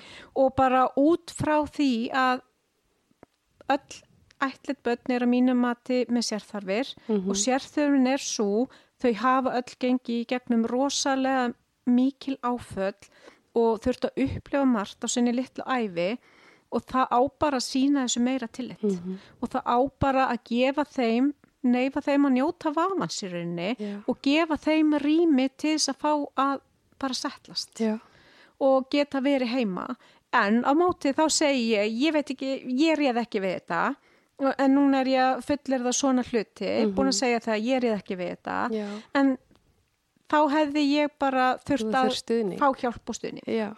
Og ég veit að íslensk ætling er að gera margvalt meira í því heldur Já. en var á þessum árum Já, og margvall meira heldur en þegar ég var. Já. Og það er stittra segja. Já, að, svona- að ég held að þetta yrði ekkert endilega stór Já. mál í dag Nei. og ég er ekki að segja að börnin eigi að vera tvö ár heima með mömmu eða mömmu og pappa eða eitthvað og aldrei að fara í pössun Nei, ég er alls ekki að segja það og ekki hitta neitt alls ekki, Nei. en það er bara stórmunur á er þetta af og amma er þetta sískinni foreldra eða Mhm. eldri sískinni sem eru að fara að passa batni sem eru alltaf í nær umhverfinu Já. eða er þetta batfóstra eða Já. þú veist leikskólakennari eða Nákvæmlega. þú veist hver er að fara að gera þetta Nákvæmlega. og hérna þannig að já, ég er með svona frekar ákveðna skoðun á þessu eftir, eftir þá mentum sem ég hef sótt mér í þessu Já, og reynslu. og, og bara reynslu Já, algjörlega. en hérna þannig að en ég veit náttúrulega að það er eins og að barist um vindmilur þetta með breyting á fæðingarólu og svona vantar alveg oft upp á þennan skilning Já, en ég held algjörlega. kannski að þetta ætti að vera næsta baráttumál einmitt. og hérna og, og ég er bara að hugsa um börnin í þessu Já. tilliti Það er nefnilega málið. Ég veit svo sammálega, sko, þú veist, ég veit mann bara sjálf mér fannst þetta erfitt að vera í fæðingaróla að gæsalappa Mhm. Og að því mér leið svona eins og að þið þyrft að fylla sko félagsstörfina er samt að vera náttúrulega með mömmu og pappa og allt þetta.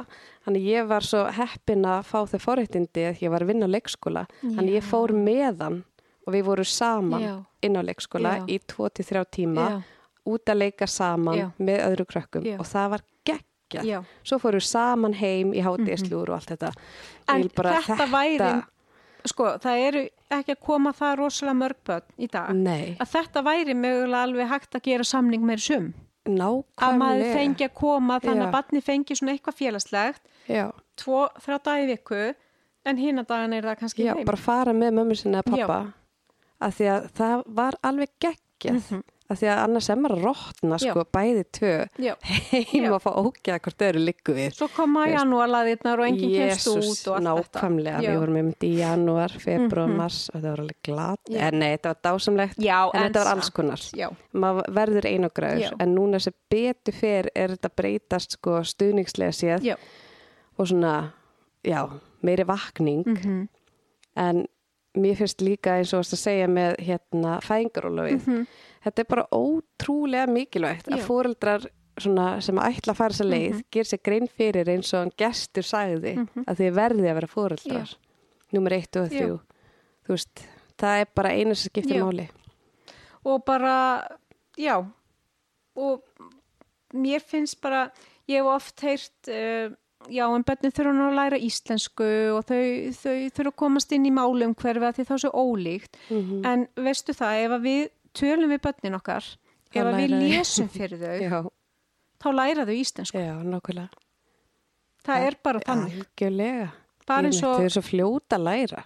önnu börn sem að fæðast hér. Já, einmitt mesta ráð sem að gefur er bara talaðu endalust, Já. talaðu um allt sem þú ert að gera og segðu Algjörlega. hvað þú ert að gera. algjörn, Ég er að taka glasið, haha, nú ætlum ég að hella vatn Já. í glasið, þú veist, verður bara Mhm. óþólandi og þá læri barnið. algjörlega Við ekki gerðið þetta og ég er svona ekstrím í þessu lærið á leikskólanum til þess að kenna börnunum að, að svona málörfuna dæmi og hann var líka sjúklega fljótur að læra að tala, sko. okkar var það nefnilega líka Þetta er bara svampur. lesið öll kvöld fyrir hann Já. mjög mikið tala við hann Mm. uh, mamma og hann ofbóðslega miklur góði vinir og voru, mi- uh, hafa alltaf verið mikið saman og ömmur náttúrulega eru gullmólar og hann talaði fyllt á orðin sem að krakka skilja ekkert. Og hérna að því að og það var alltaf svo mikið tala við hann og alltaf lesið.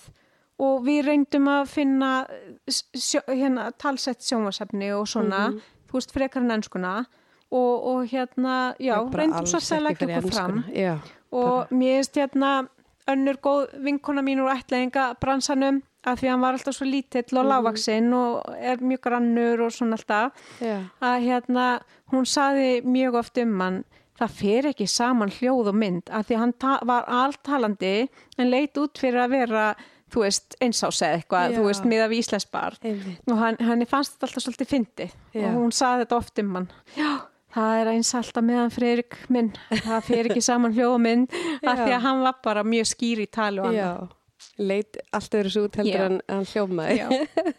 Þannig að það En- var mjög skemmtilegt. Já, en ok, nú langar, langar með að spyrja hérna uh, eins og skólagangan svo leys. Mhm. Þið voru á Akureyri. Nei, við höfum búið búi alltaf hér, við erum bara það Býtu, þið eru frá Akureyri en þið hafið búið hér og hann var þá í grunnskóla hvar? Já, uh, fyrst í Breiðalskóla í þrjú ár og svo í Langholtskóla. Já, Mm og hvernig gekk skólagangan? Yfirleitt bara mjög vel. Er það ekki? Jú, hann að hérna, það var smá svona hafari hérna í Breiðalskóla. Já. Uh, hérna, það svona voru ákveðni þættir sem að gera það að verkum við ákveðum að fara þaðan. Ok. En, en svo tók Langholtskóli við og það gekk eiginlega bara alltaf mjög vel. Já. Og það hefur ekkert verið eitthvað svona drama eða svona stríni að Jú. ætlættur? Jú, Er það? Já, já. Uh, við fengum einu sinni símtal heim, þá var hann í Breiðalskóla, uh, þar sem að við vorum beðan um að mæti í skólan, Mm af því að hann hafi hótað að drepa tvær stúlkur Já. og þú veist, hann var í öðru með að drepa ekki mann ekki alveg og við alveg bara, mm, hvað er í gangi hérna?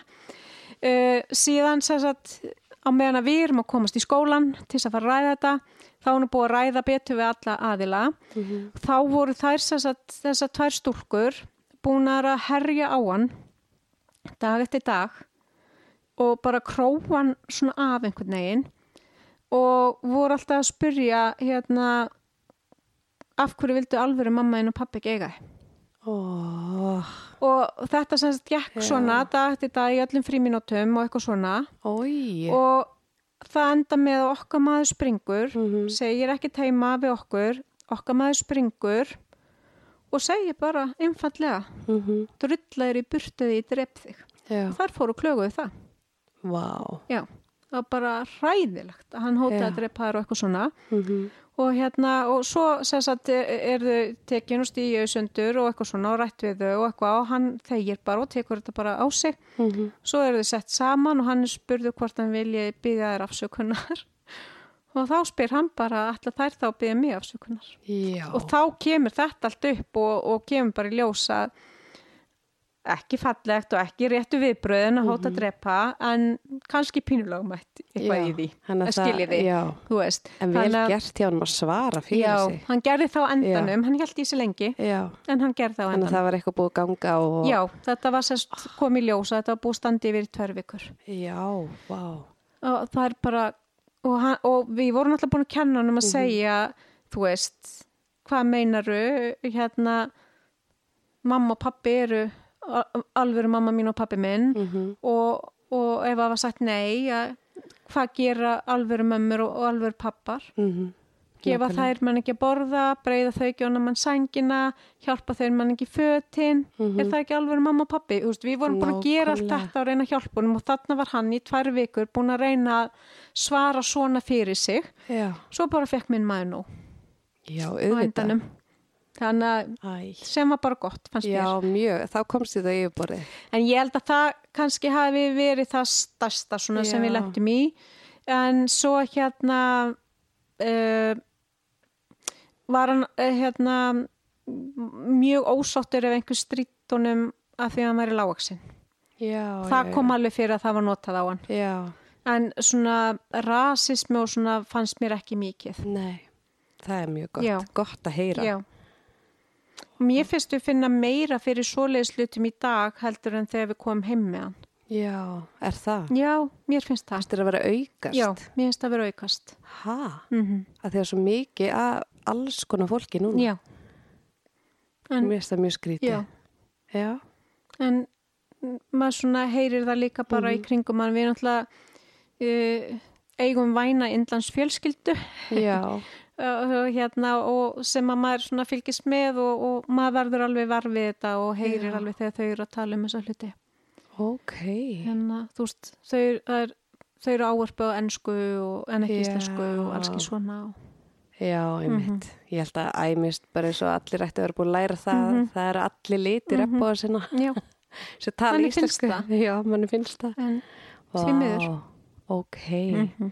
En hvað svona, þið eru búin að finnast þið læra alveg helling af eiga hennan indislega gullmúla Já. sem eru á fullarinn. já, heldur betur Hvað er svona stæðsti lærdómurinn? Svona bæði svona fyrir ykkur einu og sér að hlúa að ykkur eða hlúa að sambandinu eða þú veist, hvernig er þessi rússibarni búin að vera eiginlega?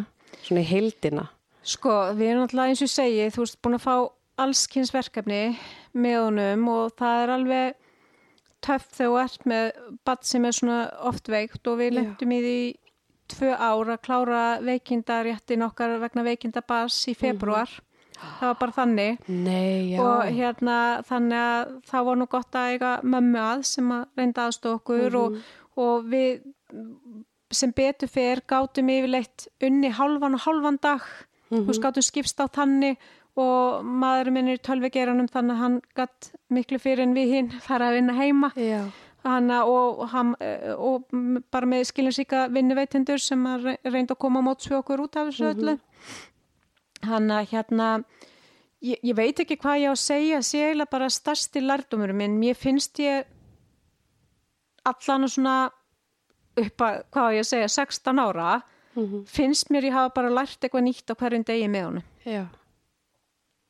Og eins og ég kom inn á áðan ég er bara ótrúlega þakklátt fyrir öll þessi verkefni sem við fengum Mm og með honum af því að þetta er svona ítt ámann að bara sækja sér meiri þekkingu uh, og mér finnst ég vera að græða ótrúlega mikið á þessu bara í mínu starfi í dag Mhm. og, og það er bara svona fullt af hlutum sem að ég hefði aldrei kynnt mér Já.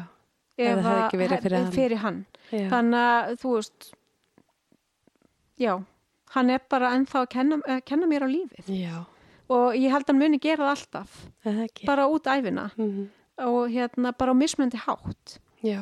Hann að hérna og það er ótrúlegt þroskaferli þegar barnið manns nær sér í kærustu. Mhm. og nú er staðan bara þannig að hann gistur ekki einu svona heim alltaf. Hann gistur stundum hjá kærustunni og, og hérna, þetta er svona ákveðin þroski sem fóreldrar Já. þurfa að fara í gegnum Já, ég geti rétt ímynda mér. treysta barninu fyrir þessu Já. og svona þannig að, já það svona finnst mér en Já. ennþá er að kenna mér Það er bara, já. endalust Og alla æfi, maður er sjálfur, ég er dóttir, eh, fóldra mína og Já. orðin, þú veist, 30 og eitthvað. Ekki segja hvað er gömulnetjum. Ég er 37 og samt er ég litli augasteinnin. Og það er ennþá bara ef ég er að keira eitthvað út á land, sendi mér SMS og sér komin. Og svo maður byrja að gera þetta á fóldra sinna líka, sko.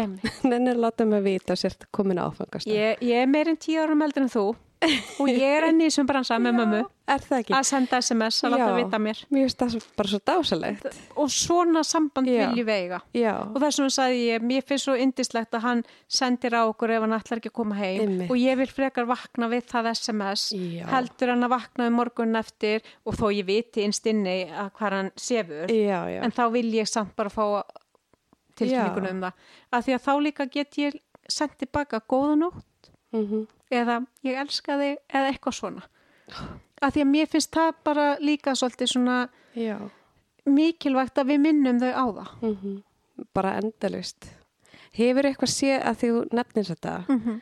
hefur tekið eftir eitthvað svona höfnindatilfinningu eða hann sé ekki nógu svona hins eginn, þú veist, svona ægi, svona eins og þessum mörgur sem börn fá þessa höfnindatilfinningu Mhm. bara við það að vera ætlitur.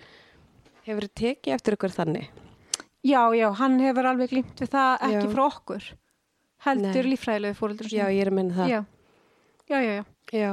Og eitthvað svona pældi bara alveg í þessu. svona Já, hann hefur alveg átt í svona innreitt baróttum Já. og, og pælingum varandi það einmitt. mm að því maður alltaf, að því maður alltaf að minna þau hvað maður elskaði mikið Einmitt. og hvað þau eru frábæra Mhm. mm æðisleg og, Mhm. og svona reyna að byggja þau upp sko. Já samt er þetta alltaf svo djúpt mm og ég, mér finnst það bara pínu skiljanlegt Já, af því að hérna mér finnst rosalega gott að vita að mamma er mamma mín og ég sé alveg ég er með þessa takta frá mömmu minni og ég er með þessa takta frá pappa mínum og svona. Já, og þó að hann segi stundum og, og hann var stundum að klæða sig eins og pappi og eitthvað svona svo þeir væru alveg eins. Og, og svona þannig að þeim vantar þetta. Mm en svo finnst mér samt alveg pínu dásamlegt að við erum stundum að segja oh, þarftu endilega að vera eins og pappiðin eða æ, vertu Já. nú ekki að láta eins og mammaðin við segjum þetta alveg Mhm. að því hann er stundum bara með sömu takta og við. Og, og svona og það kemur alltaf glott á hann þegar við segjum eitthvað svona. Einmitt, finnst hún ekki gaman? Ég held hann finnst þetta bara pínu Já. gott að því að þá er hann svona meira belonging. Nákvæmlega, hann að og ég heldur sé alveg í þörf fyrir þetta. Já, algjörlega. Að bara svona og maður áheldi bara að segja Já. þetta. Ég man alltaf hérna sko hann, hann var með mjög ákveðna skoðanir á fatnaðinum sínum. Mm og ég kallaði nú yfirlega tískudró sem hann var lítil, lítill og hérna ég man hann var svo ógæðislega ánæður einhver tíman að þá var hann í dökkbláðan gallaböksum með belti -hmm. í hvítum svona síðarma ból og utan yfir honum Superman ból og hérna og við fórum það var örgla feðradagurinn eða eitthvað svoleiðis og ég fór með hann í dogma að, að, hérna, að því ég vissi ég fengi einn Superman ból á pappans. Já, og ég spyr hann hvort hann myndi vilja gefa pappa ást hann er bara fjár ára eitthvað. Mm og við þurftum líka að kaupa hvítan síðarma ból -hmm. og svo hérna tekur hann það, eh, eh, hérna fer þetta í pakka til pappa. Og hann sko segir, og hann klæði sig sjálfur í þessi fött um morgunin, svo segir hann með pappa, pappi þú ert að fara í þessar gallabuxur. Já, og eitthvað svona og svo fer pappa sér eitthvað annað og svo fer pappa að opna pakkan og þá náttúrulega hoppar hann, viltu klæða í þetta og því að það voru bara alveg eins Já. og svo sagði hann bara mamma, mamma, viltu taka mynd að því við erum alveg eins Já. og þetta er bara svo ótrúlega dýrmætt fyrir Mhm. þau held ég að upplifa stöku sinnum algjörlega að vera eins nákvæmlega. og við tókum, tökum svolítið eftir þessu bæði þegar við vorum út í Indlandi og svo þegar við förum með hann á Spán Mhm. að hérna uh, það kemur svona pínu frelsi yfir hann af því að þá er það ekki hann sem stingur í stúf heldur við Já, útlitslega sér. já, hann fellur inn í umhverfi en ekki Já. við Já. og maður tekur alveg eftir það Mhm. kemur svona ákveðin léttir þetta er bara þægilegt að losna við pressuna að Já. vera þessi sem lítur að- út Flestir taka Já. eftir. Vá. mm og þetta er eitthvað Já. sem að var aldrei fært í orð við bara sáum þetta Já. sáum bara þessa breytingu á honum og svona, já Vá, og, og þe- merkilegt. þetta til dæmis finnst mér mjög dýrmætt kennslustund Já, algjörlega. Mhm. Líka að fá að vera í svona smá hansbúrum. já, Þannig sé. já, Ok. Sko, hérna, að því nefndir áðan, mér finnst svo merkilegt. Uh, Rítgerinn sem varst að gera, já sem að var um, hvað var aftur? Björritgerinn var sérst um sorgaferli Sorgarferli ættleiddra ætleitra barna. og það er sérst talað um það er svona sorgar þrýhjörningur Já, uh, og hann er að lífræðilegu fóreldrarnir barnið og svo kjörfóreldrarnir mm og þarna fara allir í sorg og það er til dæmis fjallað um það að það sem er okkar mesta gleði að eignast hann er mesta sorg líffræðilega fóreldraðira. já, Það verður börnunum okkar yfirleitt og oftast mikil gleði að eignast okkur en um leið situr í þeim sorg yfir því að þetta er ekki fólkið sem átti Mhm. í rauninni eiga þau. mm Og þau hafa ekkert um það að segja að þau séu komin í okkar fang. Þetta er ákvarðan sem aðrir taka fyrir þau. Mhm. uh, og það er bara svo margt svona í þessum, þessari sorg og við megum eiginlega aldrei gleyma og hérna það var eitt sem að ég hefði viljað læra aðeins fyrr á þenni fyrir skrifus að ríkjar uh, það er mjög erfitt fyrir börnin okkar þegar að hérna það er sagt við þau rosa ertu heppin að þau hafa eignast þig rosalega ert þú heppin að því þau, þeim finnst þau ekkert endilega heppin skiluru, þannig að það er svo margt svona er búin alltaf óheppin Já. til þess að verða svona heppin. já ég til dæmis passa mig á þessu í dag að segja aldrei svona við bann rosa ertu Nei. heppin að eiga þessa mömmi, þennan pappa þennan, þessa ömmi, þennan Já. afa Það meika sens. Þetta er líka mjög skrítið. Fengu ekki oft svona komment? mjög oft Já. Og það var alltaf, Já. hann var svo heppin Já. Og ég segi alltaf nefn við Já. erum svo heppin. ég, ég er líka þar, ég sný við nei, gæfan var öll okkar gleðin er öll okkar, heppnin er öll okkar það eru er við sem vorum svona lánsum að fá hann Mhm. það er við, það er okkar heppni og gæfa að hann er okkar og ég er mjög hörð og ég leiður eitt þetta allt Mhm. Þetta er nefnilega að því að, að sjá allir bara þetta fallega. Já. En svo þegar hérna kom hún Haldóra í podcasti hérna Mhm. sem að var með fóstubönni sín Já. og hún sagði þetta svo ótrúlega briljantli að hérna að bara nei, barni okkar, veistu hvað barni okkar eða börnin okkar þurft að vera óheppin til þess að verða svona heppin eignast okkur Mm. og þurft að gangi í genn svo rosalega mikil áföll til þess að við verðum svona heppin þetta er alveg svakalegt og. Þetta það er bara svona, já mm -hmm. að því að fólk sér þetta ekki, Nei. það er bara svona vá, þetta er svo fallegt Mhm. fjölskyldin Já. saminuð og Já og hérna mér hefur alltaf fundist rosalega erfitt þegar sagt við mig og þeir eru svo góð að hafa gert þetta já, ég sammála og ég segi alltaf bara þetta snýrist ekki um góðmennsku mennsku. við vorum bara langum í, langa í barn Nei, þetta snýrist um mína eigingirni að fá já. að verða móðir já, að hérna þetta er ekki, snýst ekki um góðsemi. Mm -mm. þetta snýst um að ég Einmitt. þráði ekki teitar og því lagði ég allt sem ég er búin að leggja á hann já. til þess að uppfylla mína þrá. Mm það er nefnilega það. Það er nefnilega það. Já, Sko, ég held að ég þrái jafnvel allan að jafn mikið og hann, ef ekki meira, að fá að hitta líffræðilega mömmunans mm af því ég er henni svo óendanlega þakklátt fyrir þann kjark að hafa látið þetta yfir sig ganga að geta ekki haft hann. Mhm. Mér finnst hún ótrúlega hugurökk að hafa geta gengið í gegnum þetta og hafa geta gengið frá borði. Ég er enga við vissum að hún hafi haft nokkuð um þetta að segja og mjög líklega hafði hún ekkert val. Mm. En það dregur ekki úr þeim kjarki sem hún hafði að klára að koma honum til lífs Mhm. og ganga í burtu. Og ég þrái í rauninni ekkert heitar en að fá að kynna minn unga flotta mann fyrir henni og fá að þakka henni fyrir að treysta mér fyrir honum. Já. Ég veit að hún veit ekkert af honum, ég veit að hún hafi ekkert um það að segja, uh, hann óraði pottit ekki fyrir því hann myndi landa á Íslandi. Þú veist, ég held að hún hafi nákvæmlega ekki neitt um öll þessi mál að segja frekar en hann, en mig langar að þakka henni fyrir að treysta mér fyrir honum. Ég þarf bara pínu að trúa því að það er eitthvað hérna í himinn kolvinu Mhm. sem að lætur okkur lenda saman og hérna, já, ég þarf bara að fá að trúa þessu Já.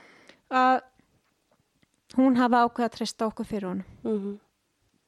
Ég get ekki ímynda mér að vera í þessum sporum að þurfa að láta barni mitt frá Mhm. mér og fá ekkert að vita um örleg þess. Jésús, já, og hérna ég veit að fullt af fóreldrum í Íslandi sem hafa gengið í gegnum þetta börnir hafa verið sett í fóstur og svona en Mhm. þau vita allan um örlegin og, og hjá hverslas fólki börnin lent og annað en allan í Kína og í Indlandi eru aðstæðuna þannig að fólki veit bara nákvæmlega ekkert um þetta og ég, ég veit að það er einhver líffræðilegu pappi þarna en mögulega vissi hann aldrei af honum Já. þannig að ég hugsa minna einhvern veginn til hans Mhm.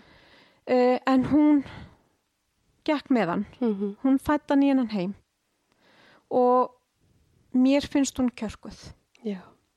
og ég ber ómælda virðingu fyrir henni að taka það ákvörðan að treysta mig fyrir honum. Veistu eitthvað, er eitthvað mynd eða fekk hann eitthvað svo les? Við fengum smá upplýsingar, við vitum nafna á henni, uh, við vitum hérna hvað hún var gömul þegar hún áttan Ok. og við feng, hún er sér satt ekki frá Kalkúta, heldur annari borg sem stutt frá Kalkúta Já. og við vitum þessa hluti. Ok. Mhm. Og það var engin mynd eða svo les? Nei, Að því að maður er búin að sjá Já. leit, litin uppránum og sjá það mynd. já, Ok. það er ekkert svo leis. En er hann eitthvað að spá í að fara að leita? Hann er bara ennþá að melda. Já. Hann var miklu harðar á þessu ánum við fórum út Já.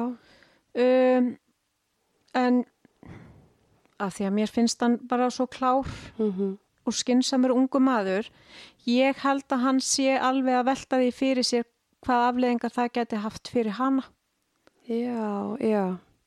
mér finnst hann svolítið þar þengjandi Já, einmitt. uh, að hann vill ekki að það gerist neitt slemt fyrir hana Mhm. hann vill ekki koma henni í vanda Nei. Uh, við horfðum, við fórum semst saman á Lion og hérna æ, þú veist, stundum uh, þú veist, fóreldrar og fóreldrarhandbókin sem er ekki til lásum okkur ekki alveg til um þetta Nei. fórum hjónin með Ok. hann og besta vinnan sem Ok. er ætl, ætlitur frá saman barnaheimili á þessa mynd Ógislega dramatíst. veistu þetta er svo dramatíst að því að sko förum með þá í bíó og ég er svo óstjórnlega þakklátt fyrir þetta og komið í sal fjögur í háskóla bíói þannig vorum við í pingulitlinn sal náðum sætum aftastabæk Já. og það var bara svona tíu manns í viðbútt Mm myndin byrjar og bara og við vorum bara guðminn góður hvað er við búin að koma okkur út í? Í hlénu þá dundi á okkur spurningaflóð og ég var svo fegin að hinni tíu þau fóru allir út úr salnum Ok. af því að við vorum bara að svara þeim spurningum. Við ætlum bara að fara á einhverja krútlega mynd sem gerist í Kalkúta sko. Ekki alveg þannig mynd. Nei, svo heldur myndin áfram og þegar myndin líkur þá eru við fjögur hérna Já. og svona og við þurftum bara svona aðeins að sitja í salinum og jafn okkur ánum förum út. Og svo löpum við öll út og við vorum búin að segja þeim að við ætlum að gefa þeim að borða og eitthvað svona sem við fórum að gerðum og eitthvað Mhm. en það er svo fallegt að hérna hann tekur í hendin á mig þegar við erum að lappa út lítur upp til mín og segir mamma ég veit hvað er uppáhaldsatriðið þitt í þessari mynd Já. og ég segi já, veistu það já, vilt að ég segja það Mhm. ég segi já takk, mér langar að fá að vita það og þá segir hann þegar mömmurnar hittust Oh, að því að ég veit að þið langar að fá að hitta mömmu mín og segja takk fyrir oh my god. veistu það það er allt hár rétt hjá hann sem sagði þarna mig langar ótrúlega að hitta hana og fá að þakka henni fyrir Já. af því að mér fannst ég eiginlega ekki vita almennilega hver tilgangu lífsins væri fyrir en að ég fekk hann Einmitt. Ég sammála er. Ó, ég er svo mikið að tengja við þetta. Ég er alveg bara svona þannig líka með mm -hmm. blóðmömmuna. Mér Mhm. langar svo ógeðslega mikið já, að hitta hana. já, Og einmitt, ég hugsa svo mikið til Mhm. hennar. Bara ég er svo þakklátt og bara svo glöð og, mm og bara dásalegt að maður á gullmólar sem maður á og maður er svo dramatískur. Það er svo mikið að, hérna, tilfinningum. en þú veist að því að svo Mm. ertu líka meðvituð um það að hann gekk í gegnum fullt að erfiðum hlutum Já, til þess að þú geti fengið þessa gleði Mm og auðvita, þú veist ég, við heyrum og þið heyrið það auðvitað ofta hann fær miklu meiri tækifæri uh, þú veist, uh, og þetta er svo frábært fyrir hann mentunulega séð og hann getur gert þetta og Já. hitt og eitthvað svona af því að hann er hjá ykkur -hmm. og bara, já ég veit það en það er líka fullt sem hann er búin að þurfa að gangi gegnum Mm sem hann hefði ekki þurft að gangi gegnum ef hann væri úti Einmitt. Það er nefnilega málið. við megum ekki gleyma því Það má ekki gleyma því. Nei. Ég, ok, ég er svo spennt að skoða þessa bók sem Já. á, hérna, við skulum hætta þessu bladri og hérna, kíkja í bók kíkjum bókina. Mhm. En mér langar svo mikið að þakka þið fyrir að koma og ef það er eitthvað sem þið langar að segja lokum, eitthvað loka orð. Nei, bara takk fyrir samt að, jú, mér langar að segja það. Já. Takk fyrir að keira þetta í gang, þetta podcast. Uh, og gefa fólkinu sem að langa bara að kynnast þessu ferli án þess að opinbera það, Já. vettvang. Einmitt.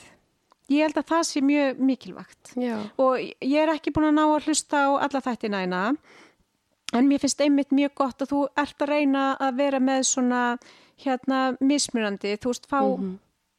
Hérna fullotna ætleita uh, reyna að fá inn fræðslu og, og einmitt hvað hérna hlutinni geta verið mismund á milli landan og Já. svona af því að þetta er bara mjög mikill fróðleikur fyrir þá sem er í þessum sporum Algjörlega. ég veit að vali í dag er ekki mikið og, og allt þetta Mhm. en svo líka bara eitthvað af því sem við segjum festist kannski hjá fólkinu og getur hjálpað þeim að takast á við það sem kemur upp með þeirra Já. Algjörlega. og trúið mér veist, ég, ég, ég er búin að segja fullt af hlutum hér í kvöld sem að ég hafði ekki grænan guð um hérna fyrstu árin hans og ég gerir miljón skriljón mistök Já. og allt þetta en þöks í honum þá er ég búin að læra fullt og, og leita mér meiri upplýsingar og svona Já. þannig að hérna, ég er alltaf að reyna að verða betri betri í Mhm. dag en ég var í gær Já. Gekkja. Takk æðislega fyrir að koma. Takk fyrir mig